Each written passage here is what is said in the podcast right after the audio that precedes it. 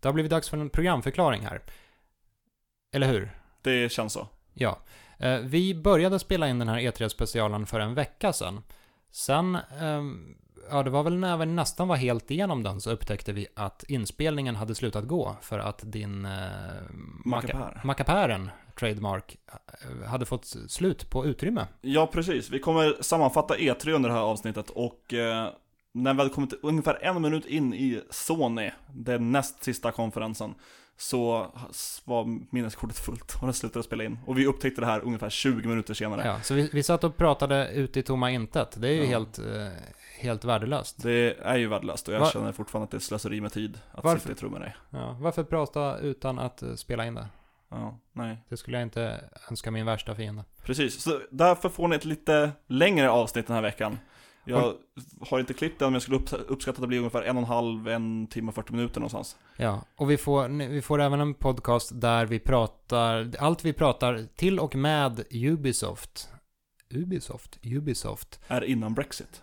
är innan Brexit. Ja. Allt som händer efter Ubisoft, det är efter Brexit. Ja. Så kan det bli i den galna podcastvärlden. Anno Brexit. Yes, och med detta sagt så får ni ha så väldigt, väldigt trevligt med Igen Sveriges podcast.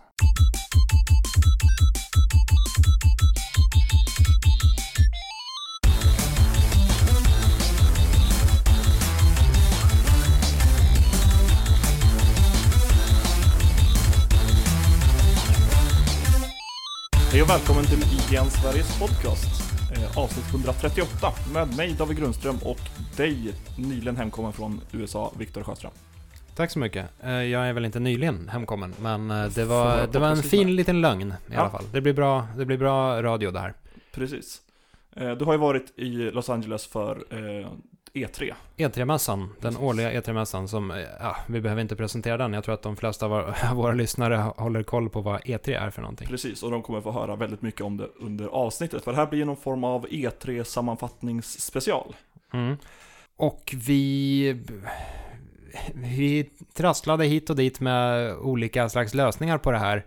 Eh, Men vi kom väl fram till att eh, det enklaste var att bocka av det företag för företag och sen köra någon slags eh, sammanfattning för att knyta ihop påsen. Precis. Och så får vi droppa in lite spelintryck och, eller jag vet inte, anekdoter eller Och de, roliga de, historier kanske. det har ju gått en vecka nu sedan, sedan E3 var. Eh, vi kunde inte köra ett avsnitt förra veckan då Viktor var på E3. Eh, så de flesta av våra lyssnare har väl säkert redan koll på vad som händer. Så vi kör lite mer personliga intryck och vad vi tyckte var bäst och sämst. Och kanske inte radar upp allt som hände, Mm. känner jag. Precis, om det är någonting ni saknar så får ni väl jättegärna droppa en liten kommentar om, om ett specifikt spel. Prata mer om Absu eller någonting. Precis. Gör det. Så får vi se om vi svarar. För vi kommer inte prata så mycket om det. Kanske eh, inte. Vi kan dock innan det börja med lite kommentarer från förrförra veckans avsnitt. Mm. Eh, Martin Grön har skrivit Var det ett medvetet val att E3-delen blev, blev så grund? Känns som ni missade, kändes som ni missade massvis av saker. Ja. Ja, Nästa kommentar. Ning Huan Ting. Han som alltid köper spel på japanska borde kanske överväga att lära sig lite japanska, haha. Jag antar att det här var en pik mot mig som kör eh, Earth Defense Force 4.1 colon The Shadow of New Despair på japanska. jag vill Eh, inte köra hela titeln varje gång du pratar om det här Ja, spelet. men det har en fantastisk titel. Eh, det är väl dock typ det enda spelet jag kör på japanska. Eh, eller har köpt på japanska. Jag, jag, jag brukar köpa spel när jag är i Japan. Men jag är inte i Japan speciellt ofta, så eh, ja, någon gång kanske 2020. Då kommer jag tillbaka med ett nytt spel på japanska. Men du kanske ska lära dig japanska ändå? Det borde jag definitivt göra. Det är ett eh, väldigt intressant språk och ett eh, mycket trevligt land att besöka. De gick igenom grunderna lite grann i South Park, tror jag. När, när Cartman säger 'Konnichiwa bitches' Det är ungefär så långt jag kommer. Jag kommer inte ihåg vem av South Park-snubbarna det är, eller om det är båda till exempel, som faktiskt kan japanska. Det hör inte hit. Ingen aning. Nåja.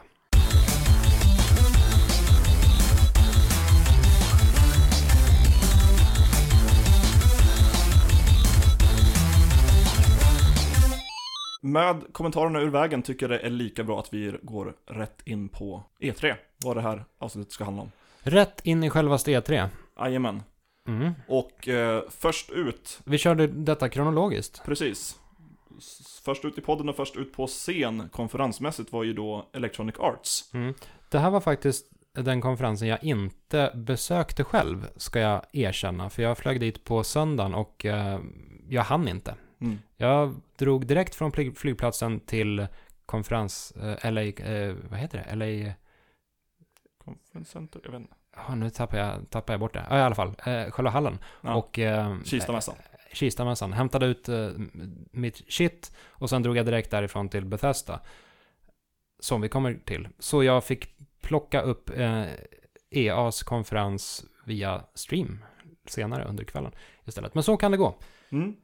Vad hade vi på EA? Vi hade eh, inte, inte jätte, vad ska man säga, in, in, inga jättestora överraskningar. Nej, inga bombnedslag. Nej, knappast. Stora titlarna var väl typ Titanfall 2, Mass Effect Andromeda, att vi fick se lite gameplay från det. Jag läste i veckan också, eller idag tror jag att någon eh, Bioware-snubbe tweetade ut, ja men du hade svarat på den till och med, Mm. eh, att huvudkaraktären troligtvis kommer heta Ryder med ett Y i efternamn. Precis, Ryder. Ja. Vad kommer din heta? Ja, Va, eh, om vi säger så här, vad hette din Shepard? Vilken av dem? Vad hette...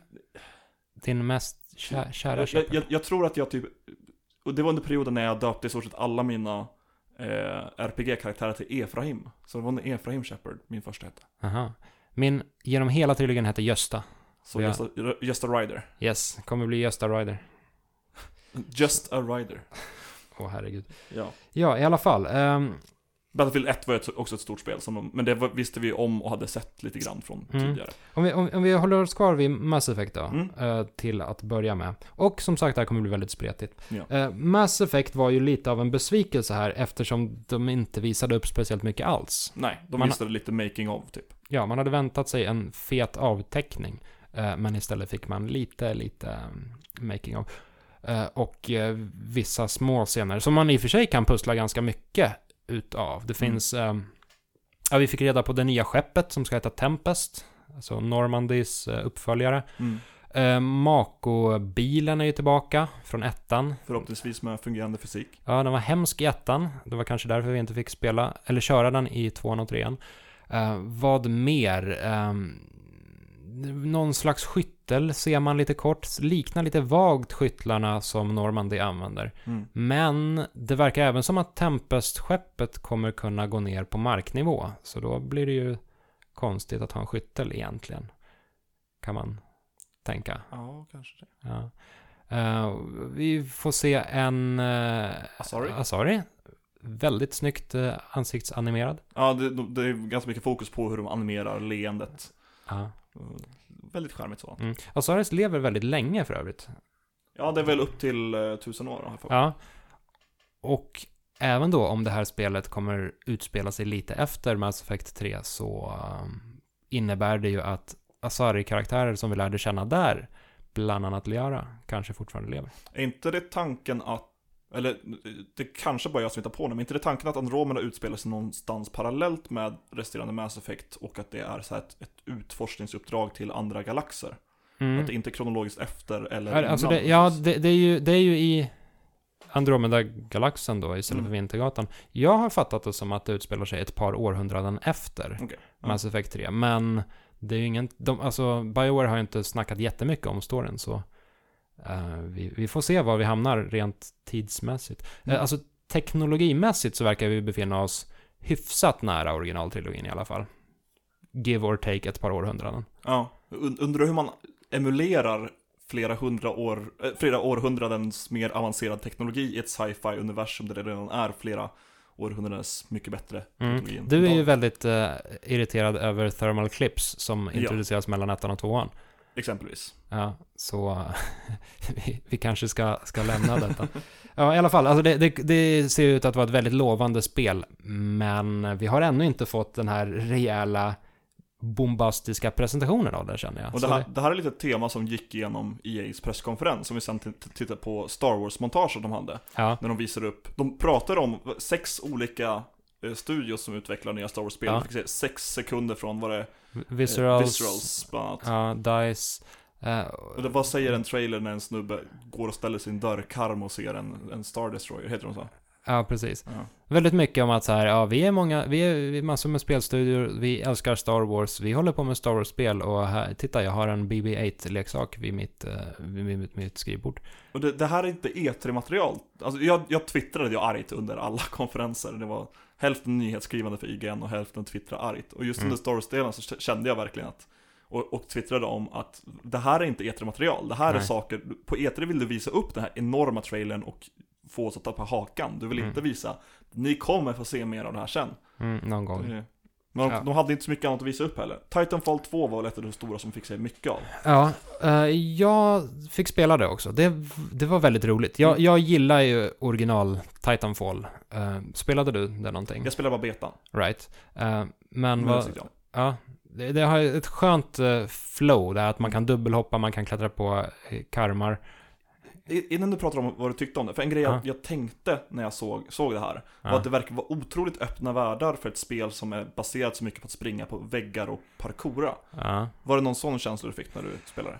Nej, alltså jag eh, fick väl ungefär samma in, eh, alltså rent bandesignmässigt så fick jag ungefär samma intryck som ettan, som ändå har, alltså ga, ganska öppna ytor, men det uppstår situationer när när man går mellan hus och känner sig lite inträngd. Speciellt om man, om man kör en Titan. Grejen med Titanfall är att man växlar mellan att springa som en mänsklig pilot och att man kallar ner en, en jätterobot från himlen.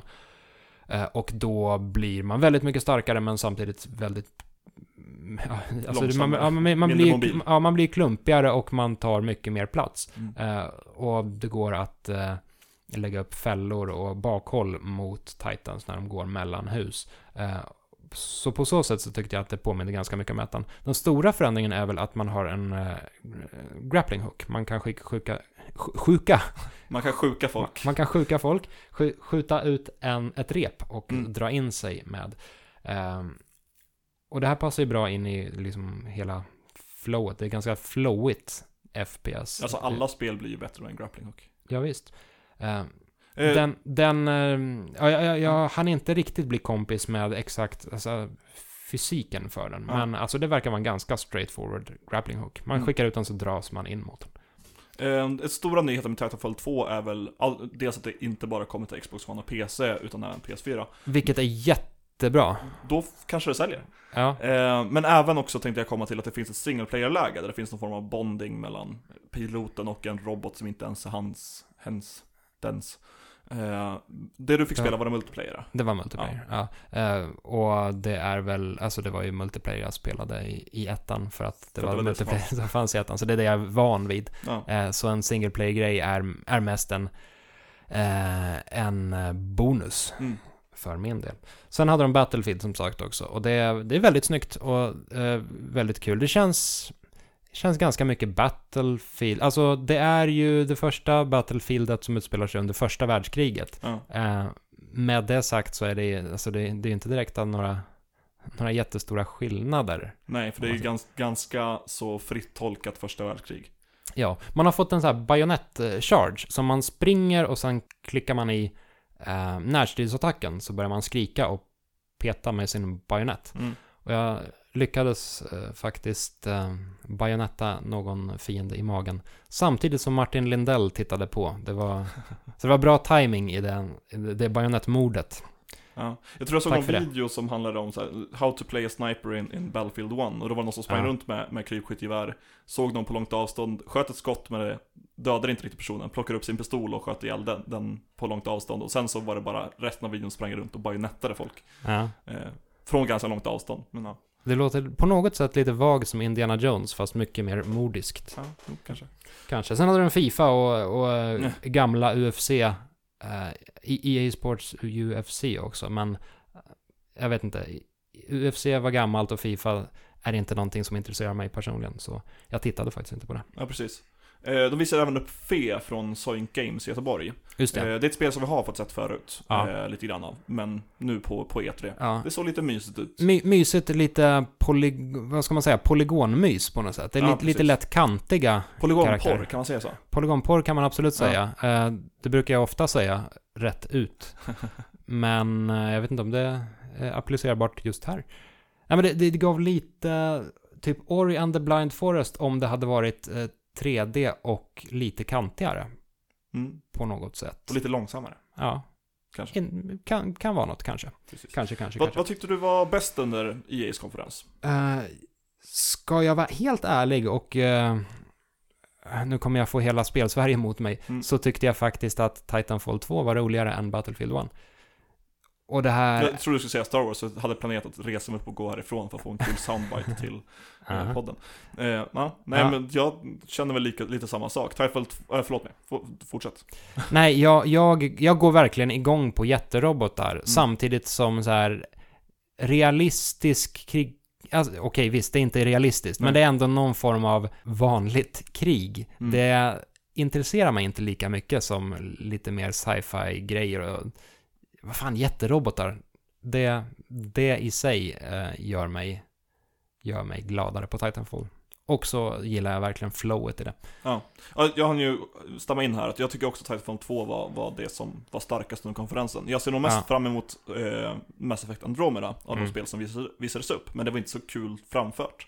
Titanfall Verkligen 2 inte. såg arkadigt och, och stört kul ut. Battlefield är inte min typ av spel, Nej. så det såg vackert ut. Ja, eh, inte mer än så. Hur ska vi göra? Ska vi sätta några betyg? Eller Ja, vad var tumme upp, tumme, tumme ner? På EA.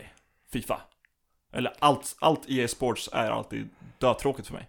Ja, det är jättetråkigt för mig också. Samtidigt dock, det, det går ju inte riktigt att klandra dem för att de gör... Alltså, Nej, de måste, det är en stor marknad absolut. Ja, och det är vad jag har förstått bra och välgjorda eh, sportspel enligt, enligt sportspelens alla regler. Så jag, jag, jag låter det vara osagt. Jag skulle säga att det, den stora besvikelsen var Mass Effect Andromeda. Mm. För vi hade, vi, vi, det var ju mer eller mindre givet att de skulle presentera det ordentligt den här gången. Med tanke på att de hade den här lilla fake-presentationen förra E3. Ja.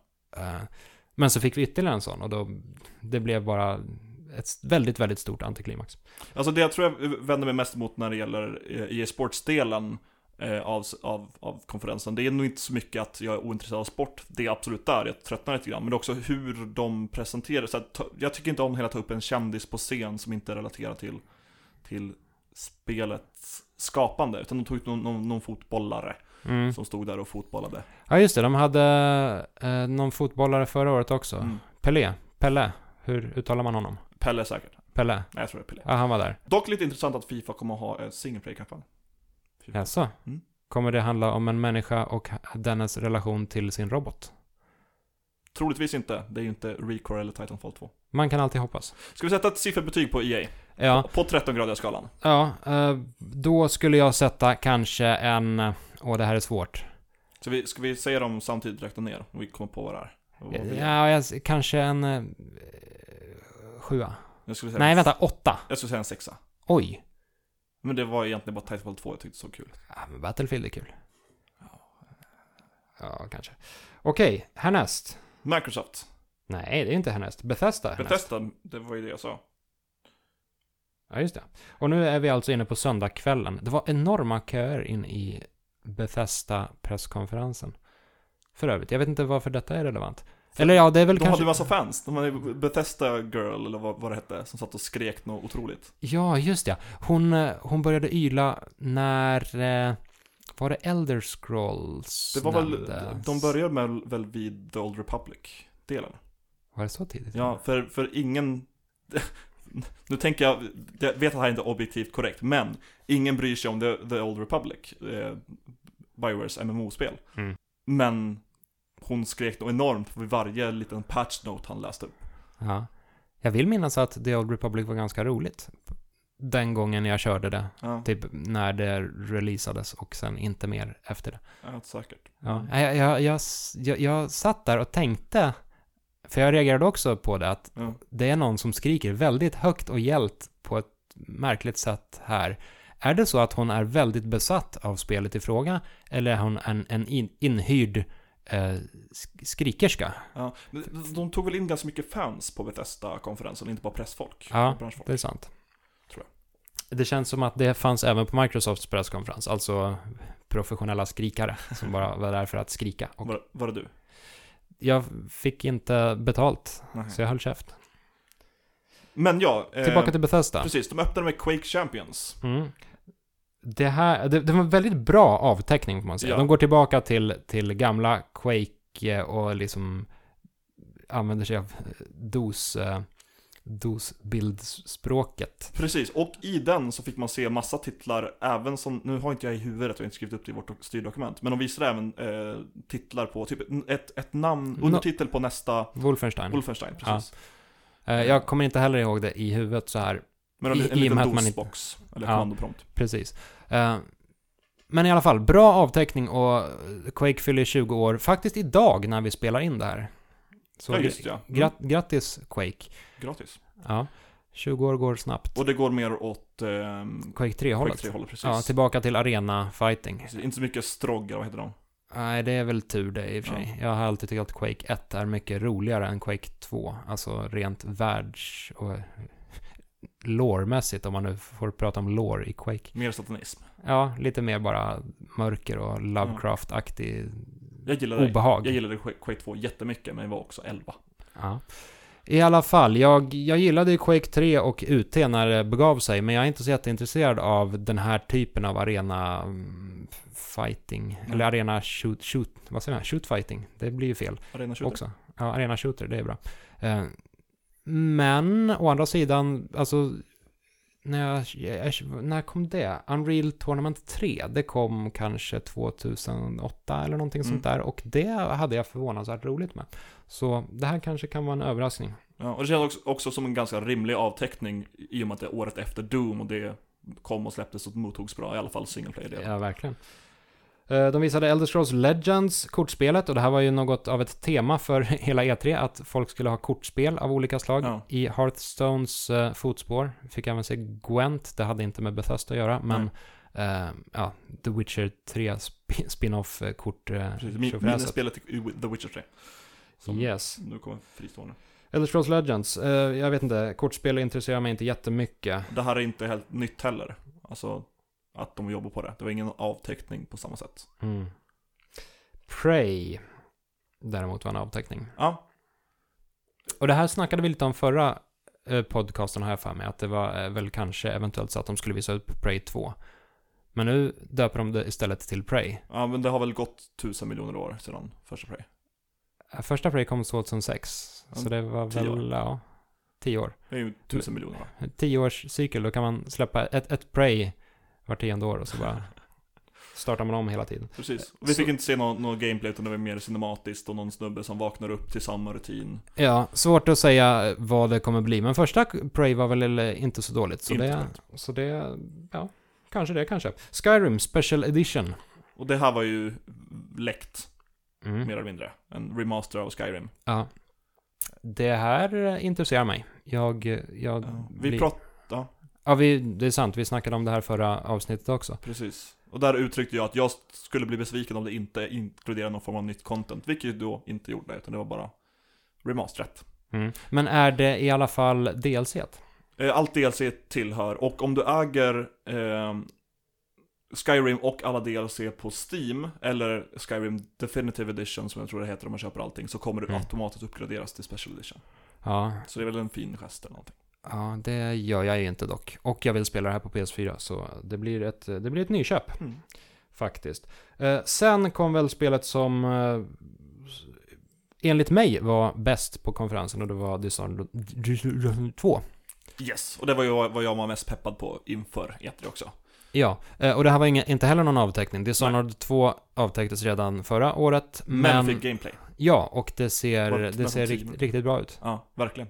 Eh, det hade speciellt, eh, eller en grej som jag reagerade över var, vad hette det nu då? Time Blade eller någonting sånt där, som var någon solfjädersliknande grej som Mm. stack upp på vapnet.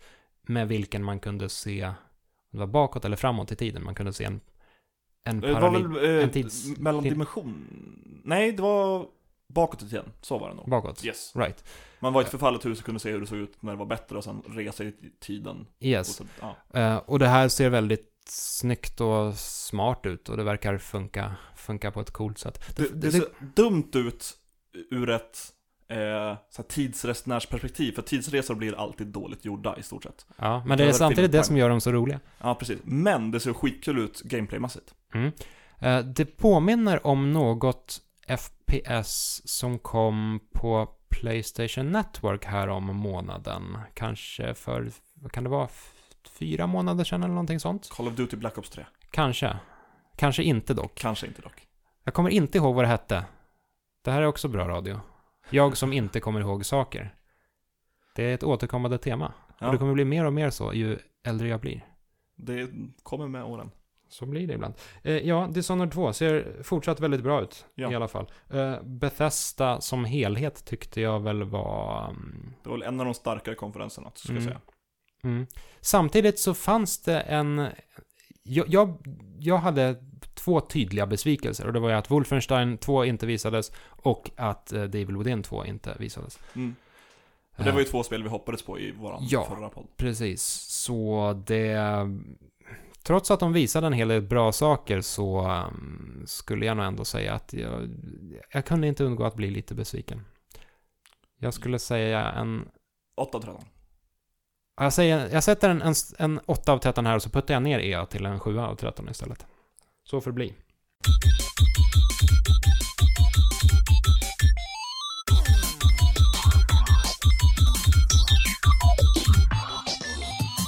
Nu är det Microsoft. Eh, Jag som inte hade fetstiltat korrekt i styrdokumentet. Slutligen. Precis. De började med att snacka om Xbox One S. En, Ja. en, en sl- Slimbox One. Mm, och det, det är ju bra. Ja, Det är en bra sak att den får äntligen plats i tv-hyllan. om. Ja. Jag, alltså. Problemet med det där är ju naturligtvis att de sköt sig själva i foten. Och med att de avslutade med eh, Project Scorpio. Exakt.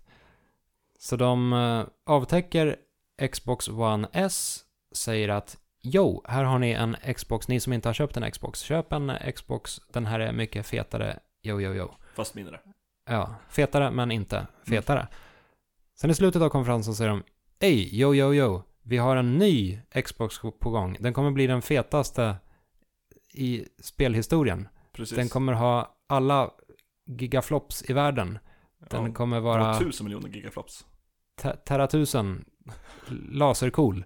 Ja. Eh, köp den nästa år. Jag förstår inte riktigt visionen här för Xbox One. De snackar någonting om att det inte ska vara, att Xbox One ska vara sista konsolen typ.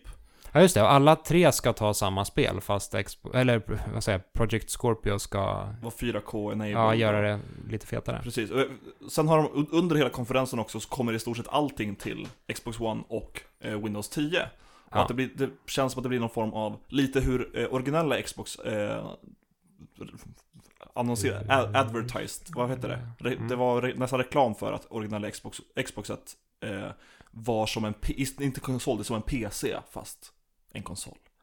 Mm. På något vänster. Ja.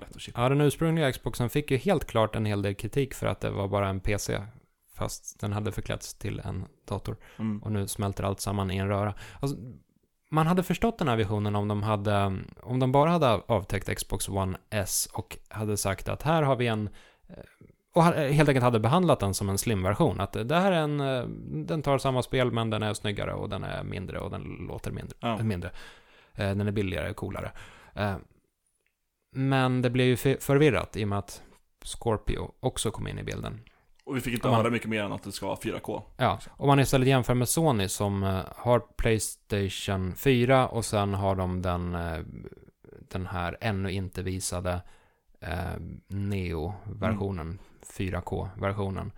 Eh, men de har inget mellansteg. Det blir lite, lite lättare att motivera sig själv att Ja, precis. Ja, ja. Det är väl, ja, jo, precis.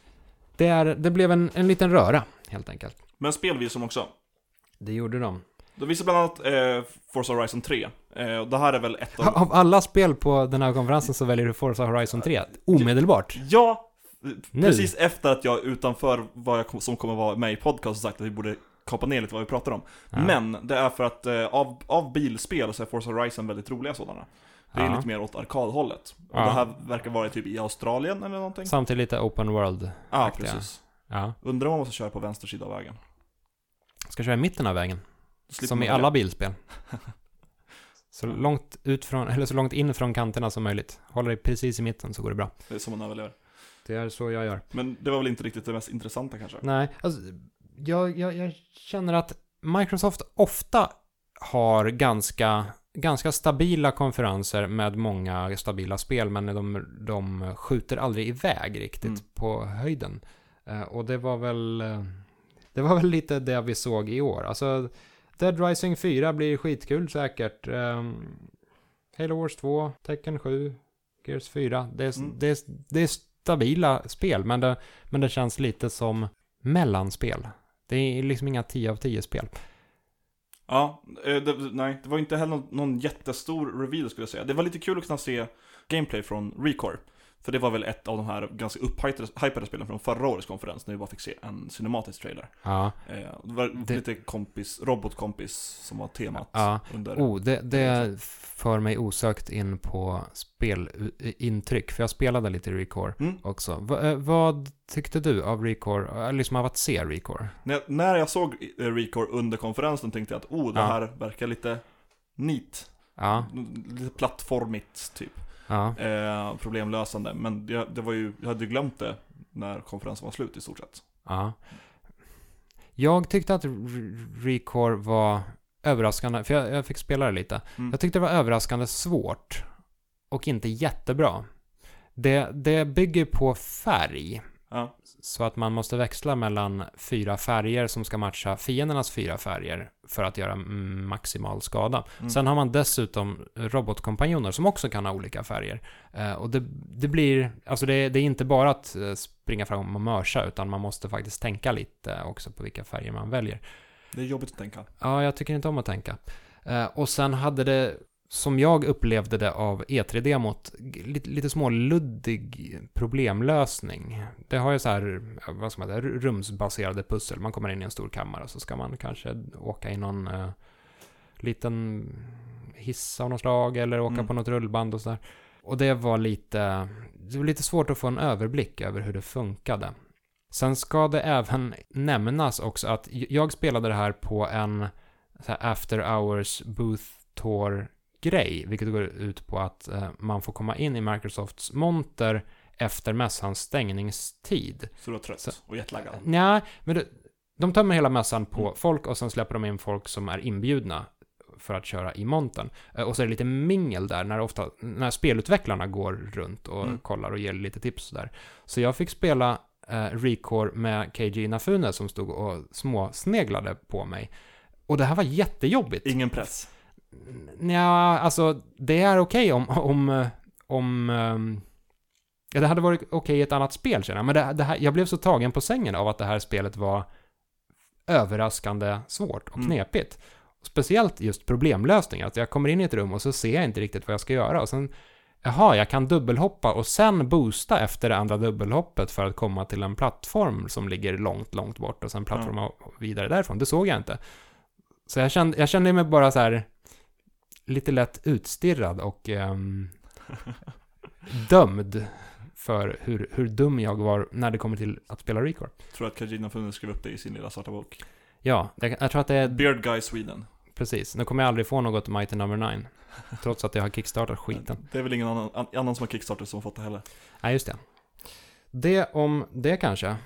Ja. Eller hade vi någon mer att tillägga om eh, Microsoft? Ja, alltså Som sagt, de har, de har ju många spel som... Precis. Sea of Thieves visade upp lite gameplay från. Det var väldigt konstigt demo av det. Men det ser lite småkul Mm. ut. Sea of Thieves var ett av de absolut mest populära spelen på, eh, på mässan. Mm. Baserar, gr- grundar sig väldigt mycket i just eh, teamplay. Ja, Lagar- precis. Man, lagar åker, man åker runt i en piratbåt tillsammans med, med sina Mm. piratkompisar och fuckar upp shit. Ja. Eh, Jag, det- jag, jag skulle vilja prata lite grann om Halo Wars 2. ja. För att direkt efter de har visat lite grann från det här så säger de att betan finns tillgänglig på Xbox One nu. Och jag har ju en Xbox One. Så att jag har provspelat lite grann. Det, jag tycker om första Halo Wars. Jag Ja. tycker det är ett... Det, det, det, är, det är delar som saknas. Det är inte ett perfekt RTS, men det är väldigt bra RTS för en konsol. Ja, jag fick en liten presentation av det och eh, utvecklarna sa väl någonting i stil med att det var deras ambitioner att göra ett, eh, åh jag skrev upp termen, men ett action-RTS eller någonting sådär. Alltså det ska vara väldigt, det ska gärna vara bombastiskt Ja. och stora explosioner. Precis, men det, jag tycker eh, det är inte så stor skillnad rent i hur det ser ut och beter sig som, som Halo Wars, alltså mellan ettan och tvåan. Mm. Däremot så kom jag inte riktigt in i det på samma sätt som jag gjorde med Halo Wars. Eh, det var mycket saker som jag antingen har glömt eller som var otydliga. Eh, och jag har inte gett det här mycket tid, jag spelade in, in en match, vad kan det ha varit? 20 Mm. minuter. Mm. Typ. Ja, RTS handlar ju lite om att, alltså det, det, det har inte världens eh, Snabbaste. Nej, lä, nej, det kräver ju lite tid där. Och en, en grej som, som jag är lite orolig för här är att det första Halo Wars endast var till Xbox One Mm. eh, och det var eh, ganska mycket byggt för eh, nej, endast för Xbox 360 menar jag, och endast Mm. byggt för den konsolen. Eh, här kommer det vara möjligt med crossplay mellan Windows 10 och Xbox One. Och jag Yes. kan inte se hur eh, PC-spelare inte ska ha ett övertag. Nej, det känns ju väldigt mycket så. Och, Ja. ja. Så Om det vi- inte är väldigt dåliga PC-kontroller. Ja, eller att de segar ner flowet något otroligt. Mm, ja, jo. Eh, så jag är inte jätte, jätteglad över Halo Wars 2, som jag var eh, initialt. Men jag får väl testspela lite mer. Det kommer Mm. en ganska lång beta. Precis. Eh, sen, vad, hade vi mer? Vi hade We Happy Few, lite skräck... Eh, Ja, det är lite så här Clockwork, or, clock, clockwonk, Cl- Clockwork Orange. Orange-vibbar. Lite Bioshock-vibbar också rent estetiskt skulle jag säga. Mm. Eh, och det här är inte heller någonting nytt, det här är ett kickstartat projekt. Eh, Mm. Men det första jag såg, såg från det i alla fall. Mm. Eh, jag tycker det var bäst på, på eh, Xbox eller Microsoft-konferens. Mm, jag tyckte det var allra bäst alltså. Ja, det var det jag som resonerade mest med mig. Ja. Som sagt, jag har väldigt svårt att se liksom spelet som var bäst. Hmm. Om jag ändå ska utse någonting som var bäst. Mm. Undrar om det kanske inte, ja, jag kanske måste bli tråkig då och så här falla tillbaka på uh, Gears of War 4. Det såg För jättetråkigt ut. Alltså, hela presentationen, eller ja, nej. Det ser ut som ett kul spel, men presentationen var tråkig. Ja, presentationen var ganska tråkig, det är sant. Men, ja, alltså, Gears-spelen, ja, det är ett säkert kort på något Mm. sätt. De, man vet att de, så här, spelmekaniskt så, så levererar de och det är tajta AAA-spel. Nej, det är en svårbedömd konferens Mm. i allmänhet. Och så här, Project Scorpio-utannonseringen, det är ju potentiellt en jätteglad nyhet att det ska komma en ny konsol. Det är alltid trevligt och den kommer vara stark och sådär. Men vi fick ju bara se lite makropanoreringar på ett par kretsar. Ja. Och det är ju inte... Det är inte riktigt därför man spelar tv-spel. Nej. Så nästa E3, då, då, då kan Project Scorpio bli en stor grej. Kanske inte riktigt nu. Precis. Ska vi sätta betyg på Microsoft? Ja, det ska vi verkligen. En... eh, s- 7 av 13. Ja, jag håller med. En stark 7 av 13. Näst på tur var eh, E3s crack-konferens, höll jag på att säga. Ubisoft. Ja, det här är ju... Ubisoft är ju någon slags blandning mellan lite högt och lågt småsunkiga spel, eh, en hel del bra spel, eh, berg och dalbana och sen en eh, konstig presentation med en hel del självdistans och, eh, och humor som ibland träffar rätt och ibland träffar fel. Ja, precis. Någonting vi inte tagit upp men som gjordes på i stort sett alla presskonferenser utöver EA var att man på något sätt eh, anmärkte på Orlando-skjutningen som hade varit söndagen. Eh, den veckan innan. Mm. Eh, och jag tänkte komma till att Aisha Tyler här, det var väldigt konstigt. Alltså väldigt, väldigt smakfullt på något sätt att de hade på sig sådana här regnbågspins. Eh. Mm. Men det var lite konstigt när hon stod där och gav sina kondol- kondolenser när det stod typ en giraff och knasiga andra karaktärer i bakgrunden. Ja, det är sant. Och det ska väl även säga att, att de här Orlando-skjut, den här Orlando-skjutningen, den, eh, den hängde lite som ett moln över E3. I alla fall eh, första dagen eller så. Ofta när man bara började prata med någon random person i någon kö någonstans så det, ja, det dök upp här och var. Eh, och samtidigt så blev det lite konstigt också när eh, Phil Spencer inleder Microsofts presskonferens med att säga att eh, ja, det är väldigt tragiskt att det har hänt och liksom sådär. Och sen direkt var efter han det. som sa the show must go on? Nej? Nej, jag kommer inte ihåg vem, vem det var. som- I, I alla fall, han, han tar upp det och sen direkt efter det så avtäcks Gears of War 4. som är så här total röjarspel när de skjuter varandra med automatvapen och sågar ihjäl- ihjäl varandra med motorsåg. Ja. Och sen efter det så avtäcks en så här limited edition Xbox One eh, Elite Controller med Gears-tema Mm. och blodsplatter på avtryckarna. Alltså. Känns lite märkligt. Men ja, ja, den här, det, det har ju alltid varit eh, övervåld i spelbranschen, så det är, det är ju inte direkt något nytt. ja, nej. Men när det ställs så här tätt in på varandra så blev det lite konstigt. Precis. Tillbaka till Ubisoft. Ja. De visade upp Ghost Recon Wildlands. Det såg sådär ut. Eller det Ja såg snyggt nej. ut. Men det såg Ja. inte kul ut. Jag skulle säga tvärtom faktiskt. Ja, Jag skulle säga att det ser inte jättesnyggt ut, men det verkar ganska kul. okej. Ja, i alla fall. Öppen, öppen värld, eh, lösa uppdrag med kompisar. Ganska Mm. mycket smygande. Eh, Jag tror att det som avtände mig mest på det här var den här framtvingande låtsas co-op-rösterna som pratar med varandra, som är Ja, just kompisar det. som spelar. I got your back man. Ja, åh gud. Don't worry about it. Tango down, Echo Delta. Hey guys. Ah. Ja, nej, det, det är ju eh, sådär. Men eh, jag har alltid haft roligt med Ghost Recon-serien tidigare. Och jag kommer definitivt ihåg hur imponerad jag var av första Ghost Recon och då närmare bestämt hur träden vajade i vinden. Det var ju helt, helt otroligt att, att se en sån sak. Det fanns inte i spel. Men inte lika mycket som i Witcher 3 när de nästan ligger horisontellt. Ah, jävlar vad de, vad de vajar. Om man fick åka tillbaka i tiden till typ 2001 eller när original Ghost Recon nu släpptes Mm. och så tar man med sig Witcher 3 istället och säger här, kör det här istället. Då hade, då hade jag sprängts, Ja, förmodligen. Eh, vad visade de mer? det- ja, alltså ro, roligast var ju eh, South Park The, The Fractured But Whole. Eh, som är en otroligt bra titel. Ja, rolig liten ordvits. Precis, och, och Trey Parker och Matt Stone som går upp på scen och är Trey Parker och Matt Stone. Mm. Eh, förra South Park-spelet var ju roligt. Jag spelar aldrig. Och, eh, och det här driver ju med superhjältar. Och jag gillar ju superhjältar. Så det här är extra roligt Ja. på så sätt. Ehm, K- Coon and the Gang, eller vad heter det? ja, precis. Lite Wol- Wolverine-parodi. Visades, du, vi, vi fick även se Star Trek Bridge Crew. Jag tyckte det här såg skitballt ut. Det var en jättelöjlig presentation, men fy fan vad kul. Ett, ett VR-spel där man sitter på bryggan av en, ett, eh, ett USS-skepp och bara pangar och kontrollerar saker och riktar energi mellan sköldar och vapen och...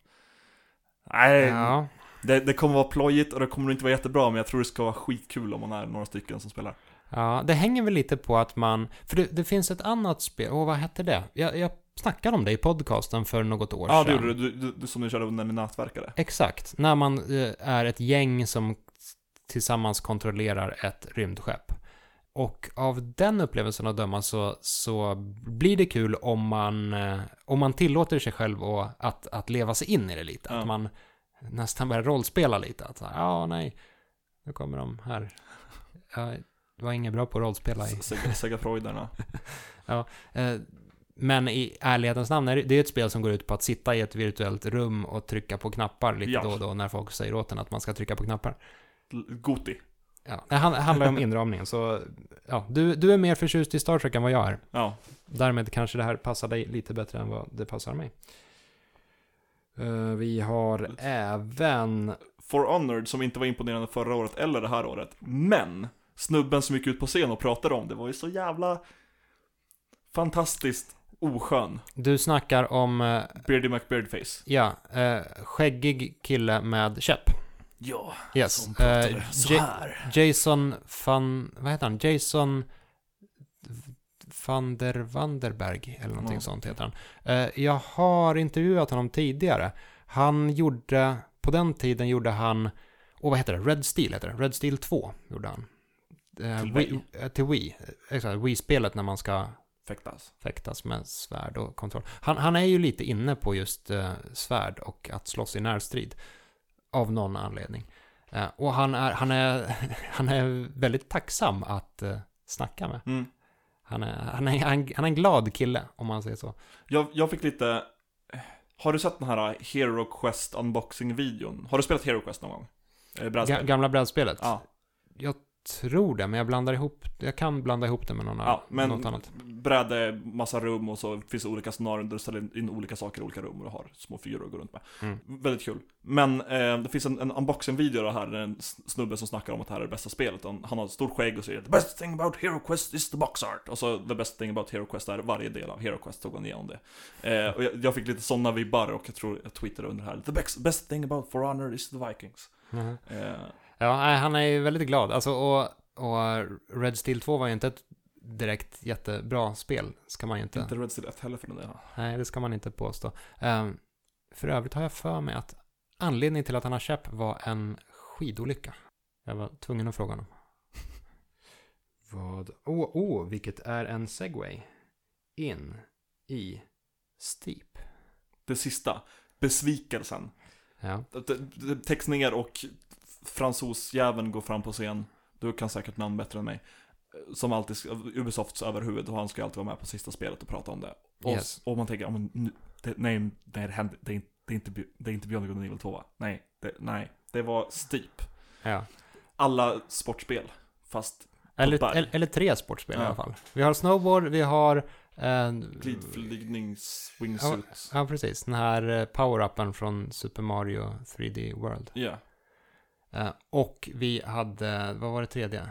Fallskärm? Nej? Jo? Kanske. Hör inte de två ihop? Kanske. Det var otroligt ointressant. Ja, det får man väl ändå säga.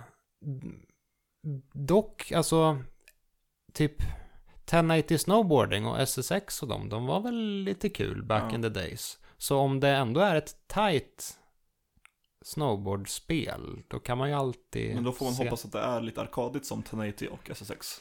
Ja, och inte så mycket, så mycket eh, simulator. Extremsportsimulator. typ. Ja, precis. Och det, har ju, det verkar ju även leva, äh, le, leka en del med fysik och så här replay-funktioner och så, Mm. så att man ska kunna göra roliga saker och sen dela med sig av det på YouTube och liknande. Eh, Ja, jag är inte jättepeppad på Steep, det kan jag inte påstå. Dessvärre. Sen hade de lite spel i mitten också. De eh, visade lite mer av eh, Watch Dogs 2. Mm. Som de hade visat upp redan innan. Mm. Det här på eller det, det här känns på många sätt som spelet som Watch Dogs 1 borde ha varit. Ja, Ubisoft är ju ganska, de brukar ofta följa den modellen, att de gör ett spel och så blir det inte så jävla bra och så gör så de lyssnar de på fansen och gör ett okej spel. Precis. Eh, och, det, det här uh, Watch Dogs 2 stora grejen är att det känns lite, lite, vad ska man säga, lite flummigare, lite mer lättsamt. Ja. Lite färg, färgstarkare. Ja. Och det passar väl ihop ganska bra med hacker-temat. Det är väl så här alla hackers eh, beter sig? Är det Ja, inte det? och deadsec och punkfrisyr och skjuta folk. Yes, och konstiga animerade hjälmar. Det är, det, det är, det är livet. Eh, Trials of the Blood Dragon hade de också. Det är ju Trials är kul. Ja, visst. Grow Up. Ja, the, the Grow Home-uppföljaren där. Mm. Små, små, små trevliga spel. Jag ehm, skulle kanske sätta en sva, sva, svag sjua. Ja. Svag sjua av 13. Det är må- många, många sjuor från min sida. Så nu får, jag, nu får jag skärpa mig. Nu får jag inte sätta några fler sjuor. ja, men då, då säger vi Sony då. Mm.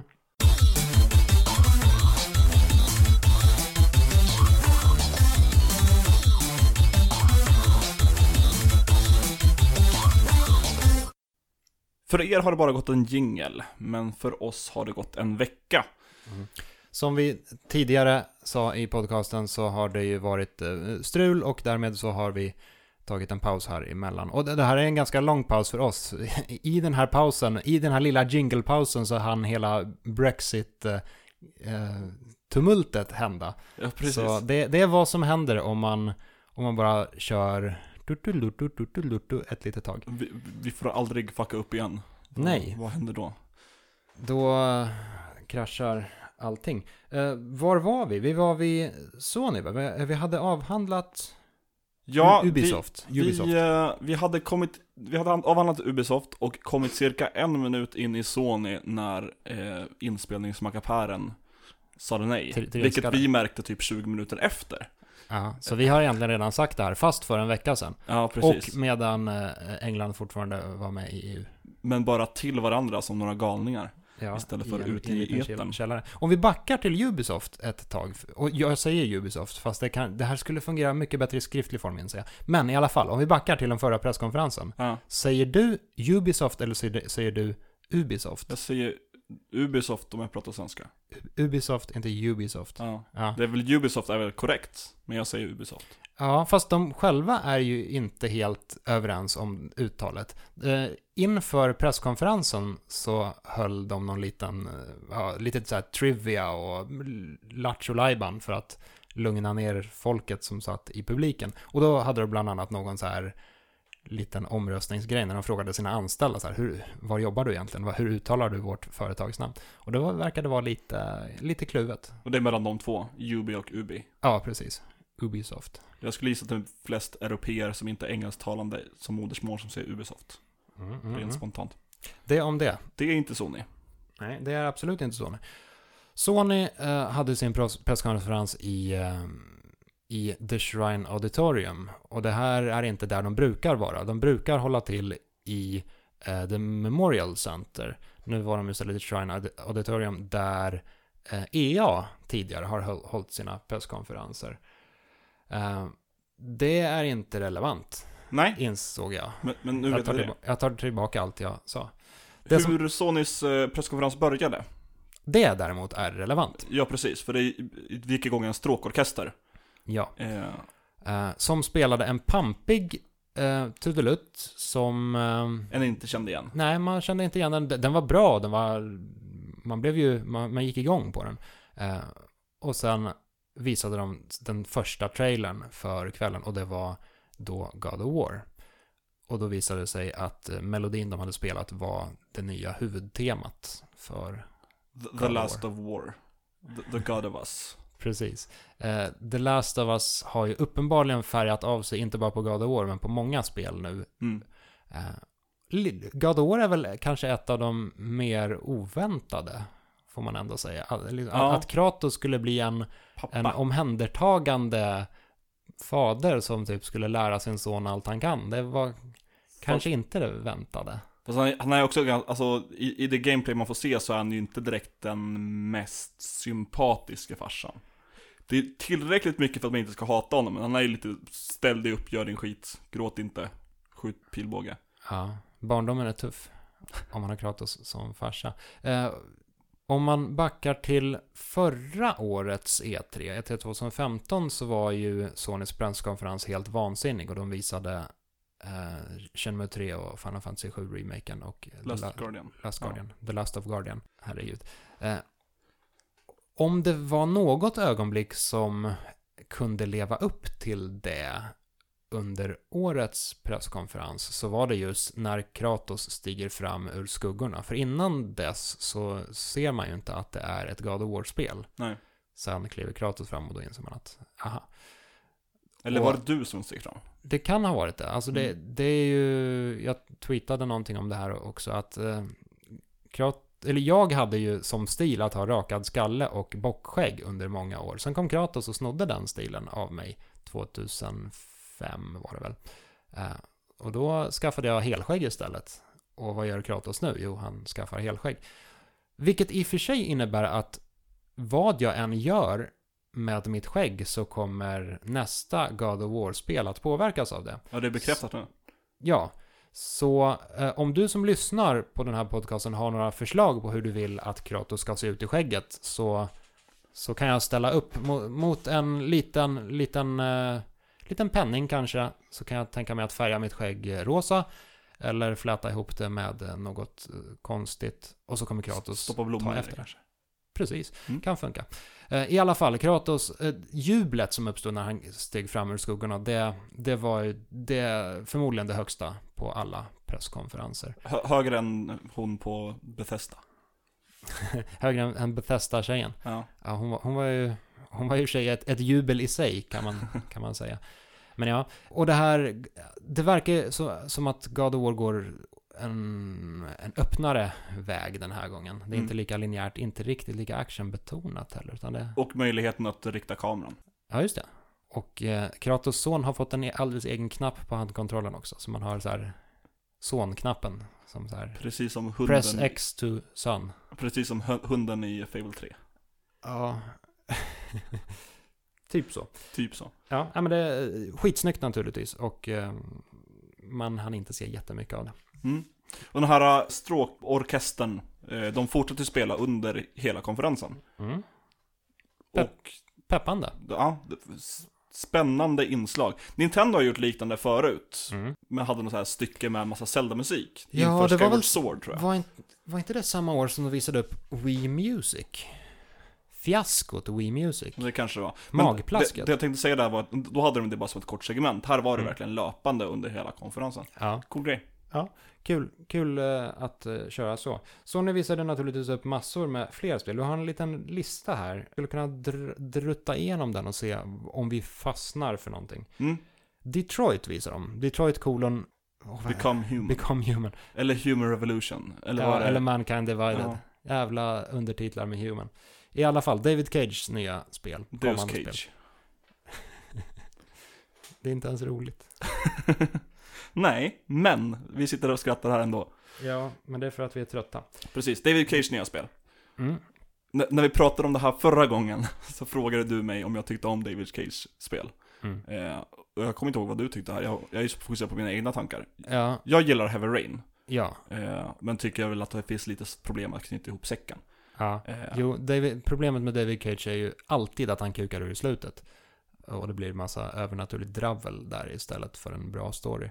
Ehm, så jag tycker ju, ja. Nej, jag, jag, Beyond till exempel, det, det var ju, det är intressant på vissa sätt och vis. Ja. Men sen blev det helt fullständigt. Jag- Jag tycker, in, jag tycker inte att, att uh, Beyond Two Souls ballade ur för mycket, för att det, var, det handlar redan om att ha ett spöke som du kontrollerar typ, mer eller mindre. Mm. eh, som hänger, hänger efter dig. Det, det största problemet för mig med, med eh, Two So- Souls var att den hoppade kronologiskt, att det inte var från tidpunkt A till tidpunkt B. Och då är det lite svårt med ett spel som ska ha någon form av konsekvenser av, och val att göra, att det faktiskt ska påverka, tycker jag. Att det, det känns inte som att få samma Mm. eh, impact, även Ja, om det, sällan det- känns det som att det finns i spel. Jag gillar när, när saker och ting hoppar kronologiskt, men det kanske inte är jättebra att kombinera det just med ett, ett valfokuserat spel. Ja, nej precis. Eh, I alla fall, Be- eh, inte Beyond, Detroit utspelar sig ju i Boston i en nära framtid när man inte tillverkar bilar där längre, utan man tillverkar eh, robotar. Mm. Och eh, det... Ett Blade Runner fast spel, Ja, hoppas typ. jag. Och det visar sig, av det vi fick se nu här senast så var det väldigt många olika val som kunde leda till olika situationer. Mm. Vissa personer kunde dö om man gjorde en sak, sen kanske de överlevde om man gjorde en annan sak. Eh, Ganska likt Deus Ex, ja, om vi nu ska vara inne på eh, gemensamma undertitlar. ja men faktiskt. Eh, jag måste säga att jag, jag har nog aldrig varit så peppad på Detroit som tidigare. Mm. Men, vänta ett tag. Varför säger jag att, att det utspelar sig i Boston? Jag vet Mm. inte. Jag, Så går det om man är Ja. trött i huvudet. Jag tar tillbaka allt jag sa, igen. jag har suttit här en vecka. Det är klart man är trött. Ja, visst. Eh, I alla fall, som sagt, jag tycker att det här ser, eh, ser finare ut än, än tidigare. Jag, Mm. jag blev faktiskt genuint nyfiken på det här. Sen eh, ska man ju ha i åtanke att det är David Cage och att han inte riktigt kan göra stories. Så, Ja, men att vara försiktigt peppad tror jag inte är helt orimligt. ja. Eller försiktigt nyfiken Skräck, kanske. skräckblandad förtjusning någonstans ändå. Bound visades. Jag hann inte kolla så jättemycket på det från, från mitt grodperspektiv. Du Mm. som hade fågelperspektivet, hann du se någonting av Bound? Eh, Sony-konferensen var den enda konferensen jag inte såg live. Jag Mm. skulle vakna klockan tre på natten, men min väckarklocka lät inte tillräckligt högt. Mm. Så jag, jag såg den efteråt på jobbet samtidigt som jag jobbade. Så jag såg det, men jag kan för mitt liv inte komma ihåg vad Bound ens var. Det är ju alltså Santa Monicas, ja dansspel är det ju inte riktigt, men eh, lite så här fladdrande, lätt, eh, snyggt. Nu ser du bara adjektiv. Ja visst. Okej, vi kanske, vi har uppenbarligen inga jättestarka åsikter av Bound. Jag tycker Inga starka intryck. Nej, jag, jag tycker att det, det såg ganska snyggt ut, men jag har in, inte riktigt liksom greppat hur bra eller dåligt det kan tänkas vara. Ska jag villigt erkänna. Last Guardian visade de också. Mm, och gav oss ett eh, releasedatum. Ja. Som jag tror var 25 oktober. Mm. Kommer vi få arga kommentarer. I alla, ja, i alla, Särskilt om det var rätt. i, i alla fall, det här, eh, det är, spelet har ju varit på gång väldigt länge och det har legat i dvala ett tag och nu har Mm. det åter, upp, vaknat upp igen och nu är det på gång igen. Är det 10 års utveckling? Jag tror det. Jag tror det också. Jag för mig att det visades upp 2006 och det var väl samtidigt som Final Fantasy Versus 13 som var dåvar, alltså dåvarande titeln på Final Fantasy 15 då, Ja, när det först eh, presenterades. galet. Ja. Och det här såg ju väldigt, väldigt lovande ut en gång i tiden. Men jag är inte så jättepeppad på det här längre, om jag ska vara helt ärlig. Nej, eh, alltså det ser ju inte särskilt originellt ut längre. Nej, om man hade... Det, om det har ju IK-filtret, Ja. som, som IK och eh, Shadow Colossus har. Ja, och de är, det, det det är två jättebra spel. Men så här, om, om eh, The Last Guardian hade släppts 2006, då hade det känts ganska nyskapande då. Men liksom under de här tio åren så har ju indiespel blivit en väldigt stor grej. Och de, de leker ju ofta med lite udda spelkoncept. Mm. Ico och Shadow of the Colossus, de var hyfsat unika när de kom. Eh, idag finns det väldigt många spel som är unika. Eh, kanske inte riktigt på den här skalan, men ja, det, det, det känns inte lika fräscht på något sätt. Ja men kommer ett indiespel kunna leverera en karaktär som dör? Har du tänkt på den? Ja, just det. Ska vi spekulera i här nu? Alltså, Last Guardian, det finns ju en berömd Penny Arcade-strip om Ja. att The Last Guardian, det, det kan bara sluta på två olika sätt. Antingen dör pojken eller så dör varelsen. ja, Vem dör? varelsen. Ja, då säger jag pojkarna. Får vi se i oktober vem som har rätt. Eh, och missförstås rätt här. Alltså, jag, jag tror fortfarande att det blir ett bra spel. Det är bara det att jag är inte Det kommer, i in, extas längre. det kommer inte kunna leva upp till den här tioåriga peppen. Eller, Inte så att det har varit en konstant pepp. Eller typ från, från massan kanske. Ja, ett tag gick den ju in i den här typ abandonware-zonen där Half-Life 3 bor. Ja. Och där Final Fantasy 7-remaken lä- länge bodde. Eh, ja. Försiktigt pepp. Ja. Horizon Zero Dawn däremot är jag faktiskt riktigt sugen på. Ja, jag tycker att det, det, det ser ut som ett, ett kul spel. Det är väldigt, det är snyggt, det är, det är ballt. Men jag sätter mig så himla mycket på tvären till Ro- Robotdinosaurierna. robotdinosaurierna. Nu har ju Viktor redan hört det här rantet från mig. Och det här, det här är lite inspirerat av eh, min kompis Peter Aunen som skrev på Svampriket som hade något liknande rant på, på Twitter som jag bara anammade och tänkte att ja, nu tycker jag så här också. Mm. Eh, och det, om det nu finns robotar som kan replikera sig själva, bygga och anpassa sig efter miljön, varför blir de djur? Mm. Och så här fyrbenta och beter sig som flockdjur och lite så här lättskrämda, och varför inte bara Du ville ha någon form av... Terminators? Terminator eller typ nano, nanobot-moln av något slag. Ja. Ja, eller, eller alltså jag, jag tror att det, det coola med eh, Zero Dawn, eller Horizon Zero Dawn, kommer väl säkert vara den här, hela den här, du är typ grottmänniska liknande i någon form av postapokalyps.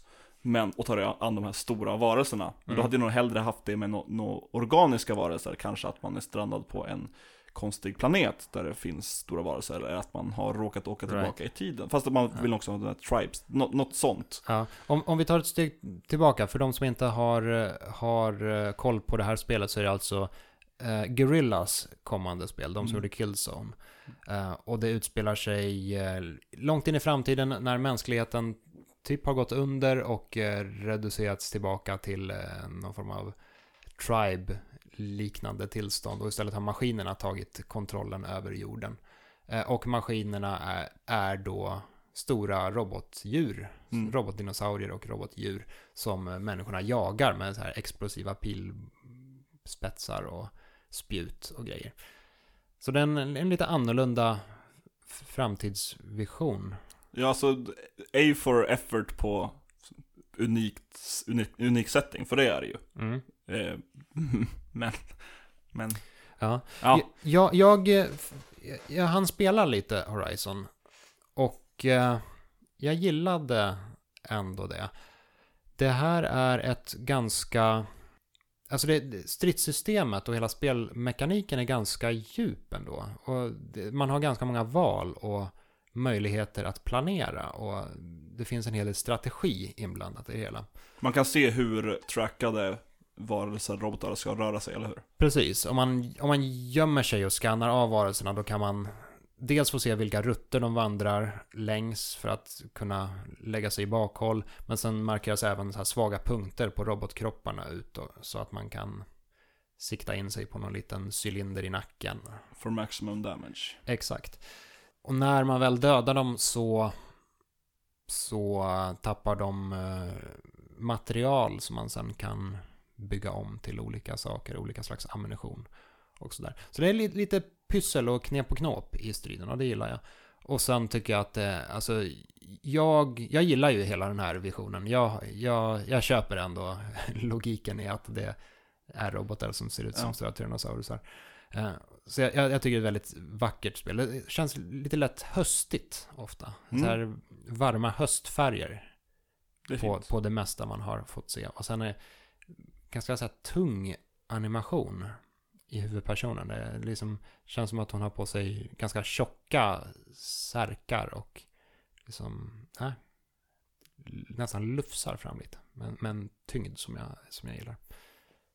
Eh, lovande spel, får jag ändå säga. Nästa Last of Us-spel, eh, Days Gone. Mm. Och det, det här, det är ju egentligen lite... Eh, eh, eh, om du rör på fötterna eller knakar på stolen, Ja. vänta igenom och prata. Right. Uh, Days Gone är ju, mm, det, det är ju mer logiskt, en, en mer logisk reaktion på The Last of Us än vad God of War är. Ja, om man säger så.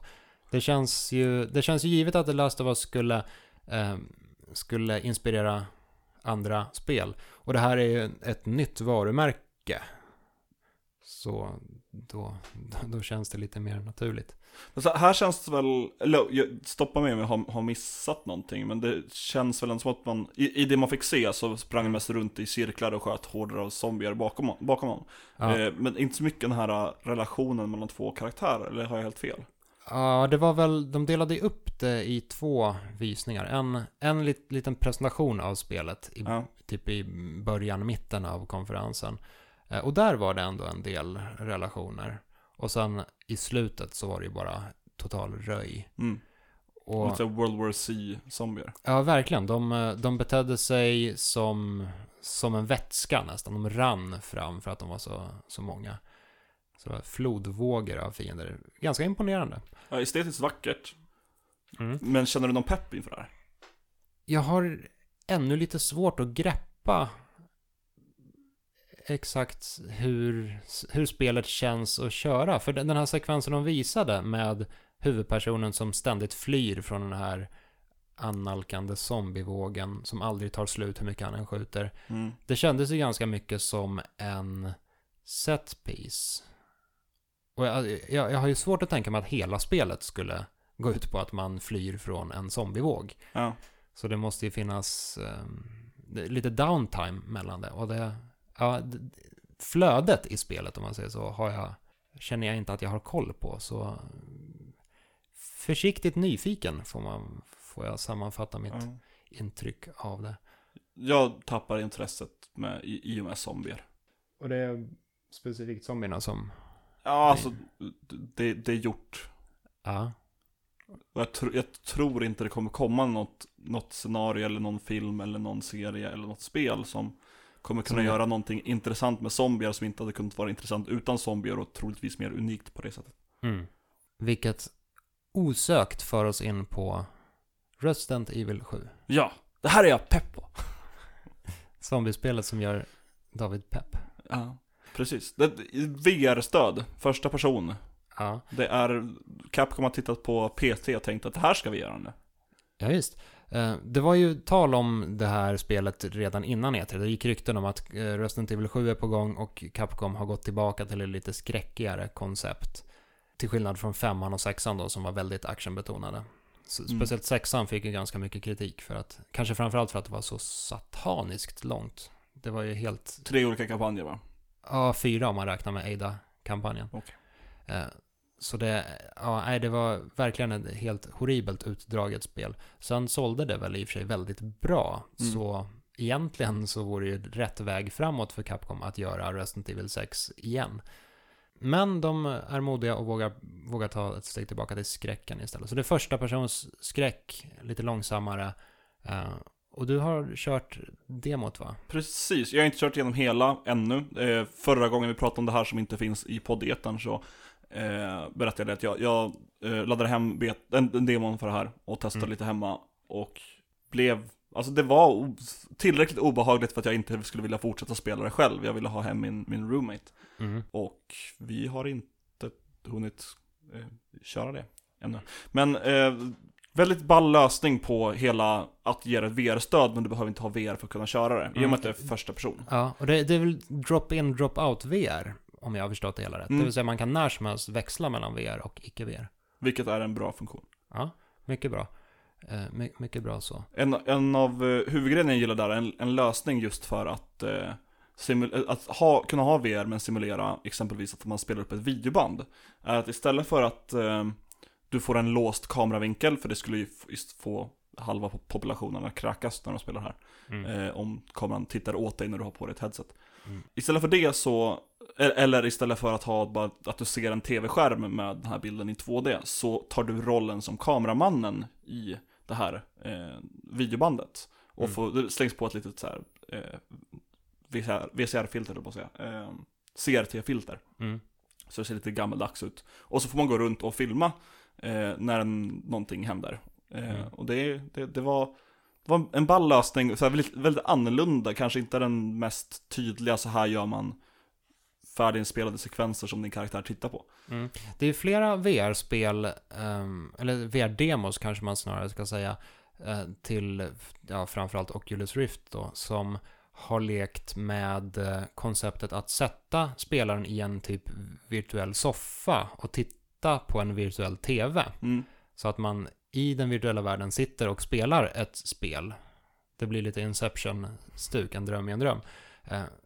Eh, och sen kör man något skräcktema på det, så man sitter och spelar ett obehagligt spel i den här virtuella soffan och sen börjar det hända otäckheter i ja, ver- Verkligheten verkligheten, som är den virtuella verkligheten. Då. Och det är ett ganska smart sätt att, för då börjar man omedvetet fokusera på tvn och ja, även om man vet att man sitter med en VR-hjälm på, så börjar man ändå på något plan känna att den virtuella soffan man sitter i, det är verkligheten och det som her, sker på tvn, två lager in då, är, är en, en simulering. Det är också ett smart sätt att göra, göra skräck på. Ja. Per Willner, eh, som gör Robot och Level eh, här på Reset Media, han, han testade spelet med Playstation VR. Och han, han sa, Han sa något nå- roligt. Ja, han sa någonting i stil med att så här, jag blev orolig för att jag skulle få, få bestående, bestående men av det här. Jag, jag var allvarligt, ta, liksom he, på, på riktigt orolig att jag skulle få trauma. Ja, han är inte någon skräckfantast. Nej, han är inte jätte, jätteskräckig. För, för några år sedan, det, ja, när var det? När Drag Me To Hell släpptes, Mm. eller släpptes, gick upp på bio, då såg vi den tillsammans. För att det var, ja, vi behövde döda en dag. Och den gillar han inte. Så, Resident Evil 7, helt i klass med Drag Me To Hell. Enligt Per Willner. Ni hörde det här först. You bet. Spider-Man. Det här var oväntat, eller? Ja, För mig? jo, Ja. det får man väl säga. Ett Open World Spiderman-spel som inte är licens till en specifik film. Ja, Men i stil med Spiderman 2 eller Ultimate Spiderman. Ja. Som ju är bra spel. eh, jag har alltid varit i- ett fan av Spider-Man 2. Mm, och jag, har, jag gillar det också, men jag, jag lutar ju mer mot att jag gillar Ultimate Spiderman. Och det är väl på tiden att vi får se ett sånt här spel igen, för min, för min del så kan de gärna köra på med ungefär samma koncept som tidigare, men bara liksom Playstation 4 snyggt, så kommer jag bli nöjd och glad. För jag älskar Spiderman. Det jag inte älskar är ju den här horribelt fula dräkten. Den är otroligt ful. Någon sån här stor vit spindel på en annars ganska standard dräkt. Mm. Det är ju en blandning mellan den röda klassiska dräkten och den svarta symbiotdräkten. Mm. Och det ser inte alls bra ut. Nej, man får hoppas att det finns skins typ från start, så du kan se normal ut. Ja, men det måste ju finnas olika skins någon gång under spelet. Jag tror inte jag någonsin har varit med om ett Spiderman-spel där man inte kan byta till typ Scarlet Spider och den här järndräkten han hade ett tag. Påsdräkten som han eh, lånade av Fantastic Four och så vidare. Eh, ja, jag ser gärna mer av det här spelet. Ehm, men, men, men är peppad. Farpoint. Vi... Sa du Bound? Säger Bound? Nej, du sa Farpoint, men det var ett. Jag, jag kan inte komma på vad Farpoint var för något. Farpoint är alltså ett VR... Det, det var väl kanske det mest pushade VR-spelet efter Resident Evil 7 då. Okej. Eh, lite som typ man befinner sig på något som typ är Mars samtidigt som man skjuter någonting som typ är headcrabs av olika storlekar. Eh, det är ganska... Det här hann jag testa också. Det är ganska snyggt. Mm. Eh, och man får köra det med den här nya Move-kontrollen som är som ett plastgevär. Som har Ja. en analog spak och så går man och så siktar man och skjuter man. Eh, och det är, det är typ ett FPS på, i, någon slags, ett ganska linjärt FPS när man skjuter genom att sikta med geväret då. På sätt och vis var det imponerande för det är ju, det funkar ganska bra och det är ganska snyggt. Mm. Men jag blev så fruktansvärt yr och illamående av det här så det liknade ingenting. Jag tror jag, jag har nog nästan aldrig blivit så här yr av ett VR-spel. Eh, Var det lite för hög hastighet? Nej, det var, det, jag tror att det var för mycket att hålla reda på. Okej. För det är, man, man går med analogspaken eh, samtidigt som man siktar genom att eh, vifta, eller liksom peka med gevärskontrollen. Ja. Samtidigt som man ser sig omkring genom att ja, titta med huvudet. Eh, och så fick jag göra allt det här samtidigt som jag stod upp. Jag, jag höll på att trilla omkull. Och det, det var inte, inte alls njutbart. Nej. Så vad gäller VR, upplev, eh, li, lite samma sak med, eh, vad heter den här, Riggs heter det, robotspelet. Som ser lite så här e-sportigt ut, man st- styr en snabb robot som hoppar runt. Mm. Eh, det var också lite illamående framkallande. Eh, på ett ganska oskönt sätt. Om man ska ändå försöka utnämna några slags VR-favoriter så jag fortsätter vara imponerad av Battlezone. Det här pansarvagnsspelet. Ser lite Tron-aktigt ut. Mm. För det, alltså det är ändå hyfsat snabbt, hyfsat snyggt och framförallt så blir jag inte ett dugg illamående av det i och med att jag hela tiden har den här cockpiten att förhålla mig till. Jag tycker det fungerar mycket bättre, av, eh, mycket bättre än Riggs av någon anledning. Båda två är baserade i en cockpit men eh, Battleson fungerar mycket bättre. Så jag, jag ska hålla ett skarpt öga på det här inför eh, Playstation VR-releasen. För jag tror att det här kan bli ett av de absolut roligaste spelen. Sen här hann jag testa Arkham VR också, alltså Batman Arkham VR. Ja. Som är någon liten spin-off på Arkham-serien. Som, ja, li, lite lugnare. Och man ska väl lösa någon form av mysterium. Så, ja, det man hoppas på är att de lyckas kläcka en hyfsat intressant story och sen får man gå runt lite i, på brottsplatser, lite som um, i Arkham-spelet. Ja, precis.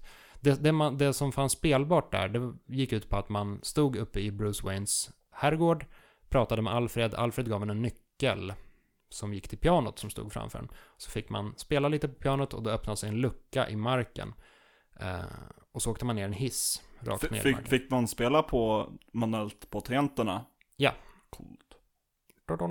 Jag försökte spela Kalle Johansson för att sätta Batman-stämningen, men det... Ja, innan jag hann bli klar så åkte hissen ner och så åker man ner mot eh, äh, Batgrottan. På vägen ner så hinner man eh, leka lite med utrustningen, man får lysa lite med en lampa, man får kasta bataranger. Eh, och så fäster ner en spegel också, där man ser, för man tar på sig Batman-dräkten i hissen. Så tittar man in i spegeln och ser att det är Batman där. som stirrar tillbaka på en från andra sidan glaset. Och i och med att eh, hjälmen trackar ens huvudrörelser och move-kontrollerna trackar ens armrörelser så det blir ändå en liten kul effekt av att så här, man ställer, sig och ja, man ställer sig och viftar lite, man gör lite disco-moves och då ser man att Batman gör samma disco-moves. Fast med ett stenansikte. Han rör ju aldrig en min, han kör ju alltid det här Batman-mungiporna nere vid knäskålarna. Ja. Och då blir det istället så att man själv försöker imitera det och se extra butter ut. Så det är lite konstigt när verkligheten imiterar konsten och eh, vice versa. Kanon. Jajamän. Crash Bandicoot Ja, för remakes. jag har inte varit så intresserad av Crash Bandicoot på många år. Det var väl det första Crash Bandicoot när det kom på demoskiva tillsammans med Wipeout 2097 och Tekken 2. Ja. Det var då jag var intresserad av Crash Bandicoot. Men det kan vara kul. Ja, men jag, jag gillade lite grann, han, han gick fram på scen och man ser skuggan av Crash Bandicoot till den här Playstation-snubben. Va? Det är han som gick ut och presenterade Crash Bandicoot. Jag kommer inte ihåg vem det var som presenterade Crash Bandicoot. Nej, det, det, det är inte viktigt. I alla fall, han går fram, man ser den här skuggan och folk fattar direkt det är Crash Bandicoot. Och de jublar medan han står och berättar att det kommer komma remix på Crash Bandicoot 1, 2 och Warped. Och sen så jublas det lite mindre. Ja, Men först kommer det till, kommer han till Skylanders. ja, Och då var det tyst. ja. Och som sagt, det kanske är kul om man gillar Crash Bandicoot. Jag är väl måttligt, måttligt peppad på det här. Däremot så fick vi äntligen se Hideo Kojimas nya spel, Death Stranding. Dödsstranding. Ja, I'll keep coming. Vi var ju inne lite på det här i förra avsnittet. Ja. Och den, det säger inte så mycket. Norman Reedus håller i, i en, en unge, gråter och sen så är det fem personer som svävar. Ja, man fattar inte ett jota av vad som händer här. Nej. Det är, det är ganska snyggt ändå. Jag undrar just vad det är för spelmotor han använder sig av. Ja, Unreal Engine 4 kanske? var ju, han var ute på turné och letade efter det. Eller han var ute på turné och han letade efter det. Två separata händelser. Kanske. Eh, Norman Reedus gråter med barn på strand. Eh, han får massa handavtryck på kroppen. Lite så här Mm. sotiga, inverterade, konstiga handavtryck på kroppen. Eh, han gråter med barnet, det kommer flygande människor och det ligger massa döda valar Mm. på stranden. Och sen det här, Kojima gör spelet. Man fattar inte ett jota. Och det stod Kojima många gånger. Ja, det var väldigt mycket Kojima. Ja. Ja, nej, det, spännande med nytt, nytt Kojima-spel, men Ja. Det- det sa inte så mycket. Nej, det säger ing- Det är väl mest bara för att bygga pepp, det är Ja. inte konstigt. Det är väl som, som The Phantom Pain-trailern innan vi visste att det var Metal Gear Solid 5, fast man listar ut det ganska snabbt. Framförallt tycker jag att det är lite kul att, att Hideo Kojima får, äntligen får komma ifrån eh, Metal Gear. Eller får Mm. och får, han, han är väl mer eller mindre, mindre tvingad. Men han har ju under många års tid sagt att så här, ja men det här spelet, det kommer bli mitt sista spel. De har väl sagt sen Metal Gear Solid 2?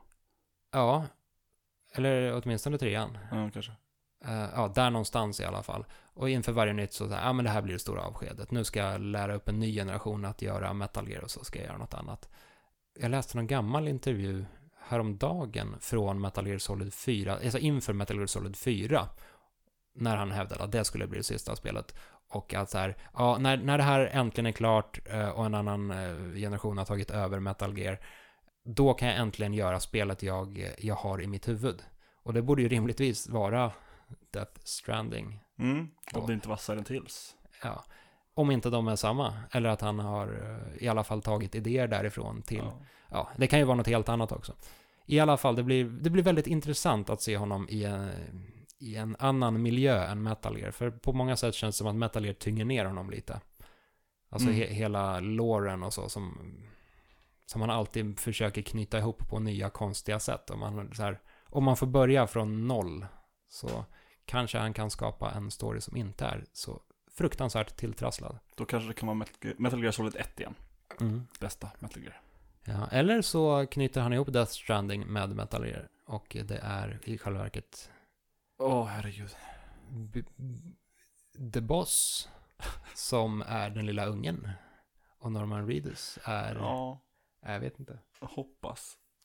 Nej, jag hoppas faktiskt inte det. Call of Duty Infinite Warfare visar de upp. Ja, Jag tyckte det här såg så himla ballt ut innan jag fattade att, det var- att det var Call of Duty. jag tyckte det såg så himla sunkigt ut.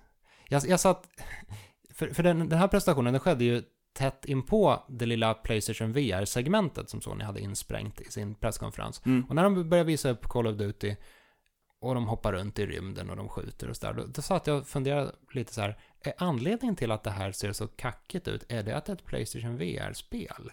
Är det det de kommer att avslöja i slutet av trailern? Så här, ah, hela kampanjen går att köra i VR. Men nej, det var det tydligen Det inte. var Call of Duty. Ja, nej, jag, jag eh, är inte pepp. Jag Nej. känner inte peppen. Jag, jag, jag är sugen på att spela det. Mm. Vad tyckte du om förra? Eh, Ja, jo, Ja, det, det är inte applicerbart i och för sig. och Det är med olika att, eh, studior. Ja. precis. Nej, eh, det finns ju lite mer som de tog upp. Jag känner inte att jag har något- mer att prata om gällande Sony, utan jag är mer sugen på att höra vad du har att säga om Nintendo. ja. Fast Får jag- innan får- vi kan får- Ja. Ja, får jag bara lite snabbt. ehm, jag, jag hann spela Final Fantasy 15 också. Mm. Uh, Hade du spelat... Eh, demot, Platinum. Ja, precis. Ja, det, det har jag Episode gjort. Duskei, Duskia. Ja. Eller är det två demon? Det kanske är. Ja, jag, jag har bara spelat det här eh, Platinum-demo. Platina-demo.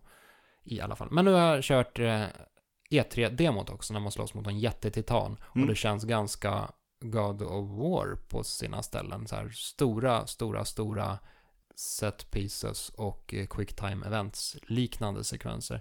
Och å ena sidan så känns, alltså min första reaktion var att det här känns inte Final Fantasy överhuvudtaget. Nej. Men de tidigare Final Fantasy-spelen har ju oftast haft väldigt långa eh, icke-interaktiva filmsekvenser. Dels dialogsekvenser, men ja, rena filmer. Och om man ser det här som någon slags utveckling av dem så, så känns det lite mer logiskt. Sen är ju naturligtvis Final Fantasy 15 ett jättesplittrat spel på många sätt. Alltså det är ju jättestora magiska robotar och eh, fantasivarelser. Och sen är man in på någon liten så här det ser ut som någon fransk eh, turisttorg och så. Ja. Ja, det, det svänger ju hit och dit på, på ett eh, distinkt sätt får man säga. Jag är ändå, jag, jag, jag, jag ser fram emot det här. En Jag är gång, också nyfiken bara. en gång i tiden betydde Final Fantasy väldigt mycket för mig. Eh, på senare år så har det inte gjort det. Och jag... Var det i och med 10 eller? eller? Nej, 10, 10 spelade jag Mm. skiten ur. Det var väl snarare det att 11 blev ett online-spel och då var jag inte så peppad. Och sen av någon anledning så missade jag 12 Ja.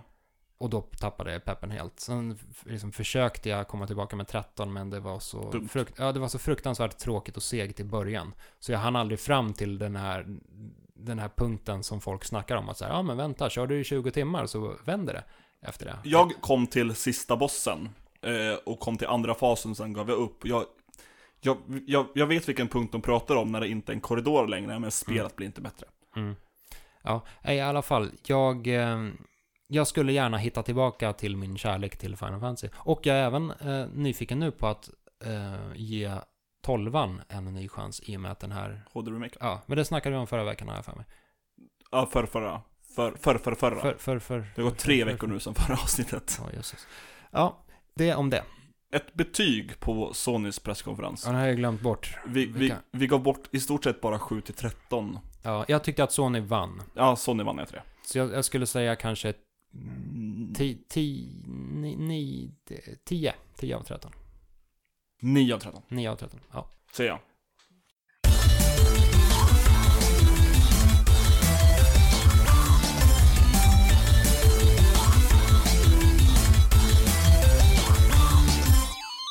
Sist ut och inte riktigt en presskonferens.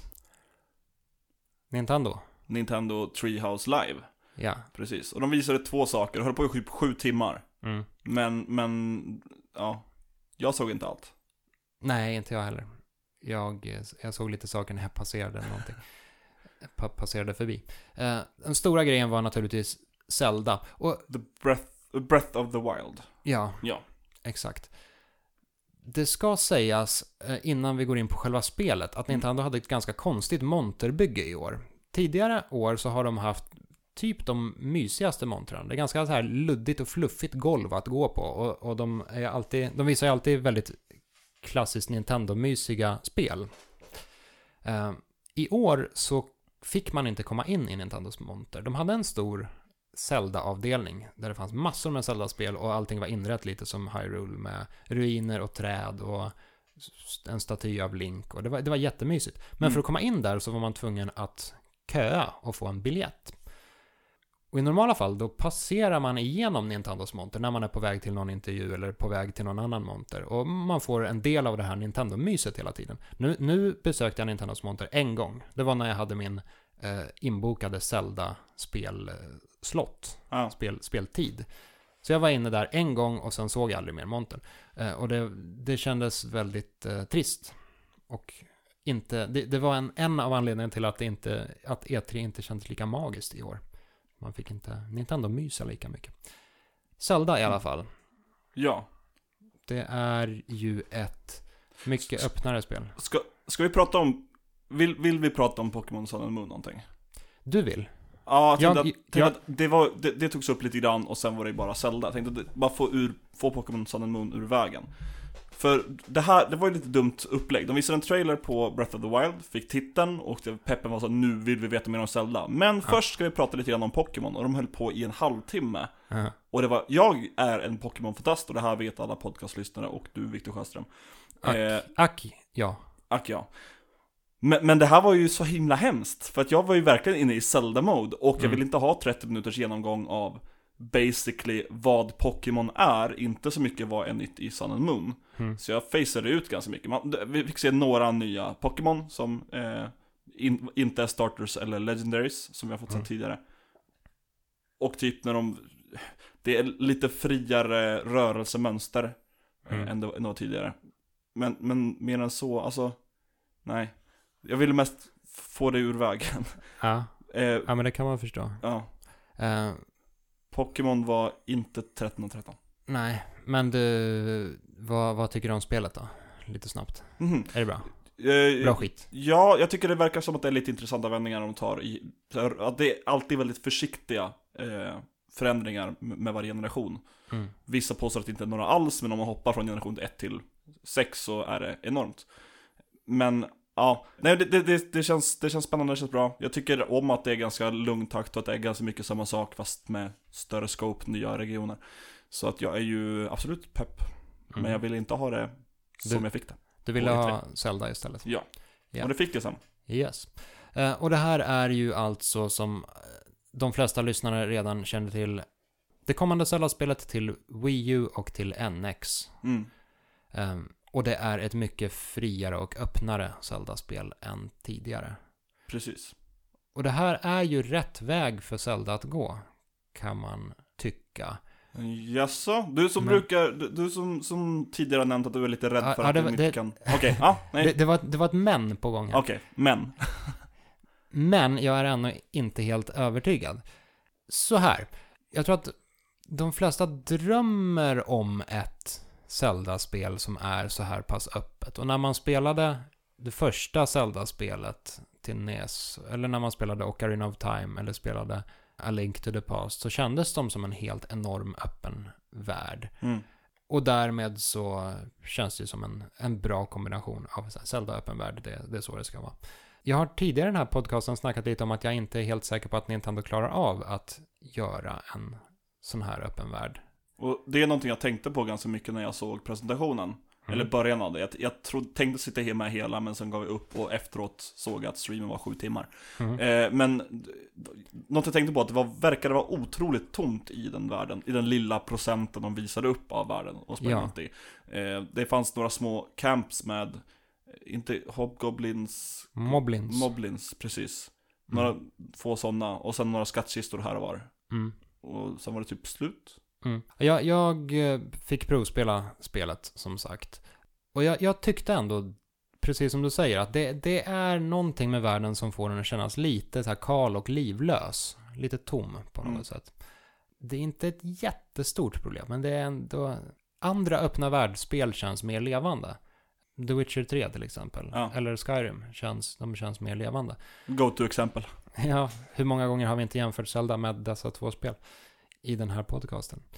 Det finns många saker som är bra med det här. Jag, eh, alltså jag, jag gillar verkligen att utsikten man har. Liksom att man kan klättra upp på ett berg och sen ser man långt, långt, långt borta hur ett tempel eh, tornar upp sig. Det, Så himla mycket bara, jag vill gå dit, jag vill gå dit, jag vill, att det var så mycket utforskar nyfikenhet som vaknades eh, till liv i mig. När Ja. jag såg det Det- såg. ja, spelet är ganska tydligt med att märka ut intressanta saker på kartan. Alltså ett, ett tempel är ganska uppseendeväckande. Det lyser eller det är format på ett konstigt sätt. Och, så man, blicken dras ju åt olika håll på ett, på ett ganska effektivt sätt. Mm.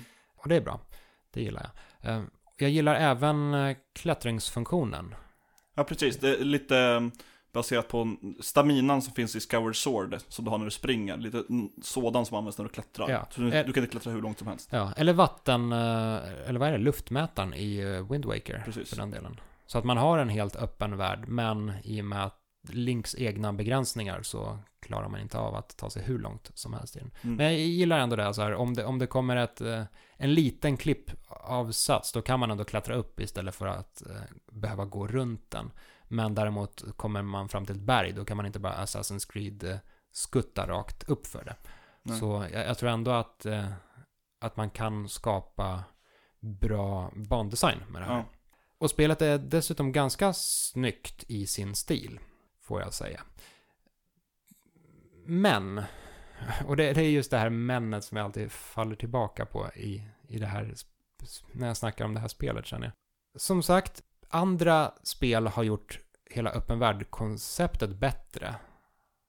Även om det ser kul ut här. Mm. Eh, På samma sätt så tycker jag att även om Breath of the Wild har en snygg grafisk stil, eh, det ser lite tecknat ut, lite små teck- tecknat, utsmetat, så Ett uppvuxet Wind Waker nästan. ja, lite så. Eller Skyward Sword, lite besläktat med det. Ja. I alla fall, trots att spelet är snyggt rent estetiskt så finns det väldigt, väldigt många indiespel nu som gör väldigt galna och väldigt snygga, ofta väldigt lyckade saker med designen. Och jag känner lite att Zelda, det lyckas aldrig riktigt fullt ut med något av det här, den öppna världen eller den eh, grafiska stilen. Mm. Även om båda två är klara steg framåt mot vad vi har sett tidigare. Hur mycket hann du eh, göra när du spelade? För att vad de visar upp och pratar om, det, det kommer finnas tempel, men det finns också, vad heter de, lite små grottor som man kan sätta på. Mm. Eh, man skulle använda för att uppdatera sin iPad. Vad säger du? Finns grottor som man kan sätta på? Mm, nej, stöta på. Stöta på? Ja, Det är jag hit- som har en snuskig, eh, snuskigt sinne. precis. Eh, och så hittar man typ tablets för att uppgradera sin lilla grej man, som ser ut som en iPad. Ja, väldigt mycket iPad. Ja. Eh, jag fick spela, och Men vad heter de? Crucibles? ja, det kommer jag inte ihåg Ja, faktiskt. det är inte så viktigt. Demot var uppdelat i två delar. Det Mm. man fick spela på E3 bestod av ett, ett 15 minuters demo och- ett 20 minuters demo. Okej. Eh, och det var först ett 15 minuters demo när man helt enkelt fick springa fritt i världen. Eh, så jag sprang ner i något, uh, något litet träsk och sen sprang jag iväg och muckade med moblins, och satte eld på mig själv, rullade runt en sten. Det är ganska fysiskt spelet, eller det, Mm. det har så här kul, kul fysik att leka runt med. Och det gillar man. Kan tända eld på gräs också. Ja. Och sen fick man spela en lite mer storydriven eh, sekvens när Link vaknar upp. Han verkar ha legat i slummer på något sätt. Så han vaknar upp i något som ser lite futuristiskt ut nästan. Ja. Någon form av grotta. Kliver ut där, eh, ut i den öppna världen. Så träffar han på någon gammal skäggig gubbe som ger honom lite råd. Och så blir han ivägpekad mot ett torn som reser sig ur... Nej, hur är det? Först... Ja, det är ett torn som reser sig under, upp ur marken under den här sekvensen i alla fall. Jag kommer inte ihåg om det är före eller efter. Och det sker även på flera andra ställen runt om i världen. Och sen eh, blir man ivägpekad mot en grotta för att gubben, den skäggiga gubben, har ett, eh, någon liten så här glidergrej som man kan glidflyga med. Och då säger han typ Yo, yo, yo, jag kan tänka mig att byta, byta den här mot eh, skatten du hittar i den här grottan. Och så pekar han iväg, en, iväg mot den. Så det blir väl kanske den första riktiga dungeonen. Mm. Eller en mini-dungeon. Eh, men precis när jag skulle eh, gå ner i den så tog tiden slut. Attans. Vad, ty vad tycker du om det här eh, in inventory-systemet? Du, har, du kan ju plocka upp flera olika vapen, flera olika sköldar Ja. eh, och så vidare. Vad, tycker du om det? Jag tycker det ser ganska intressant ut att ha lite olika vapen istället för bara svärd. Mm. Det, det är en bra idé. Lite Dark Souls light får jag nästan Det är bara Det är en bra idé om, om det, vad ska man säga, om, om det görs någonting, alltså om, om det används på, om, om det finns någon ordentlig skillnad mellan dem. mm. För jag, jag hann leka runt med några vapen, mestadels svärdet och en stor tung yxa. Och där kändes det som att det var skillnad. Yxan tog väldigt lång tid att ladda upp eh, för att få iväg ett slag. ja. Men samtidigt var det mycket tyngre. Och yxorna kan också använda för att hugga ner träd Ja. Däremot om det, om det blir för likartad svärd så, och liknande så här, mm. typ träsvärd, stålsvärd, då, då tror jag att det lätt blir lite för mycket.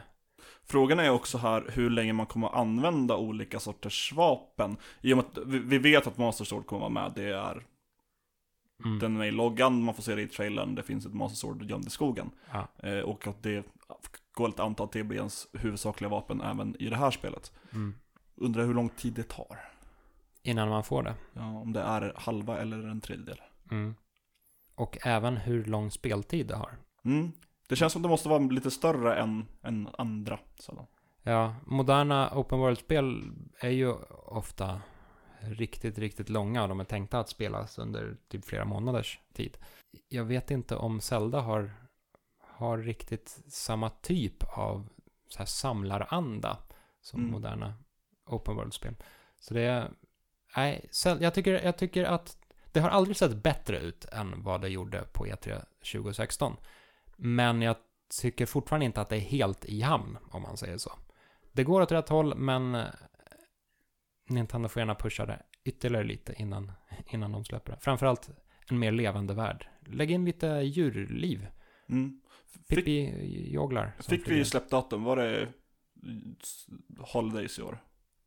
Eller var det nästa år? Nej, det är väl nästa år. Okej. Mm. Bam! Nintendos, Nin- Nintendos Treehouse Live på en 13-gradig skala.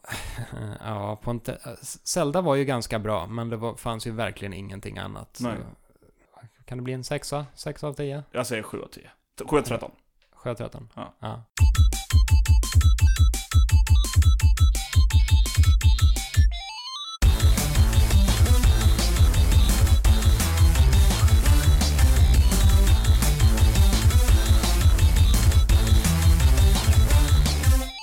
Och med det så är det dags för oss att, Sammanfatta E3. igen!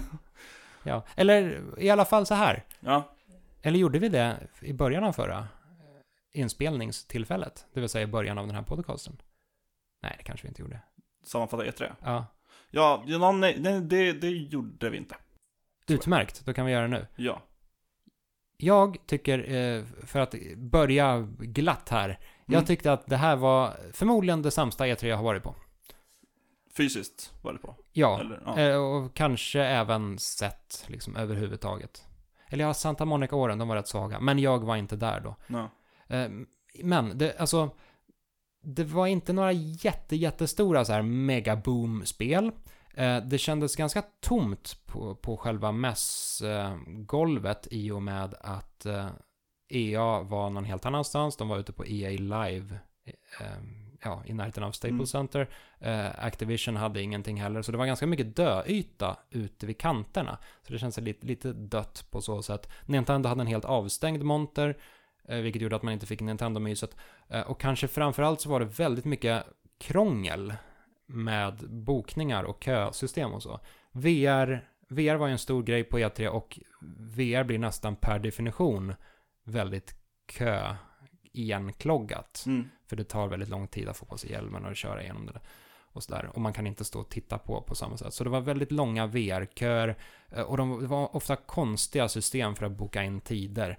Um, Sony till exempel till sin, till sin VR-kö, de ville att man skulle ladda ner en app och så skulle man boka sin tid där. Hur gick det för dig?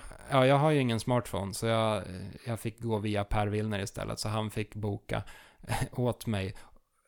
Men då plötsligt så så här, nej, appen funkar inte. Du får gå till, eh, kö, eh, till montern och köa istället. Och så kommer man dit och nej, kön är stängd för tillfället.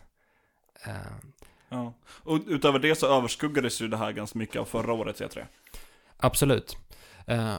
Och sen hade vi ju de hemska skjutningarna också. Ja, precis. I början, så, så liksom, de första dagarna vet jag var ganska, det fanns en, en dyster underton där. Mm. som ständigt dök upp. Eh, så, nej, som sagt, E3, E3 är alltid kul, men förmodligen så var det, det den svagaste mässan jag har varit på. Ja, alltså jag ser alltid fram emot att bli besviken på E3. Mm. Det, det pirrar nästan i kroppen jag tänker på det här kommer inte riktigt leva upp till mina förväntningar. Det här kommer inte visas. Vi Mm. får inga Half-Life 3. Vi får ingen Beyond Good and Evil 2. Nej, det fick vi verkligen inte. Vi fick eh, Snowboard istället. Ja. Eh, några snabba eh, anekdoter från E3. Jag hamnade på samma buss som Ed Boon under, alltså på väg hem från, ja det var Sonys presskonferens måste det ha varit. Alltså Mm. mannen som har gjort Mortal Kombat och som nu gör superhjälte-fighting istället. Eh, han och en kompis till honom, eller kollega, jag känner inte igen karln, satt och snackade väldigt ingående och väldigt nördigt om eh, olika typ regelsystem och skademodeller i papper och penna-rollspel.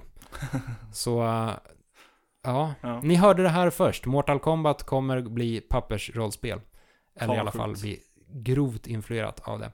Eh, och sen en liten, en liten eloge till eh, Koji Igarashi också, alltså mannen bakom eh, Symphony of the Night och många andra Castlevania-spel. Han har ju Bloodstain på gång. Och Bloodstain ser kanske inte jättehett ut av det som visades på E3. Framförallt hade den en väldigt horribel boss. Mm. Men jävlar vad han var igång i Igarashi. Han, alltså, han, han stod alltid vid sin spelstation och liksom tog bilder med fansen, visade lite eh, på skärmen hur man skulle göra, iakttog eh, hur spelarna reagerade på olika rum och sådär. Eh, och han, via, via tolken då så frågade han mig efter spelsessionen så här, vad tyckte jag? Eh, och jag tycker väldigt mycket om Symphony of the Night, den gamla Playstation-klassikern, så jag sa det att eh, hoppen känns lite annorlunda än Symphony of the Night. De känns, det är inte riktigt samma fysik va? Mm. Eh, och då svarade han att nej, nej, det här beror bara på att Bloodstained är 16.9 eh, format på och Symphony of the Night är 4.3.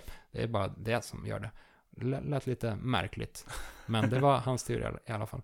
Och då ville jag på något sätt, eh, jag har ju kört ganska mycket Symphony of the Night, så jag ville på något sätt eh, få in lite Symphony of the Night-nördighet och visa att jag minsann hade kört hans gamla spel. Så jag sa att det kanske det är kanske det att Alucards sprite är så flytande animerad för han har den här manteln som alltid svänger bakom honom.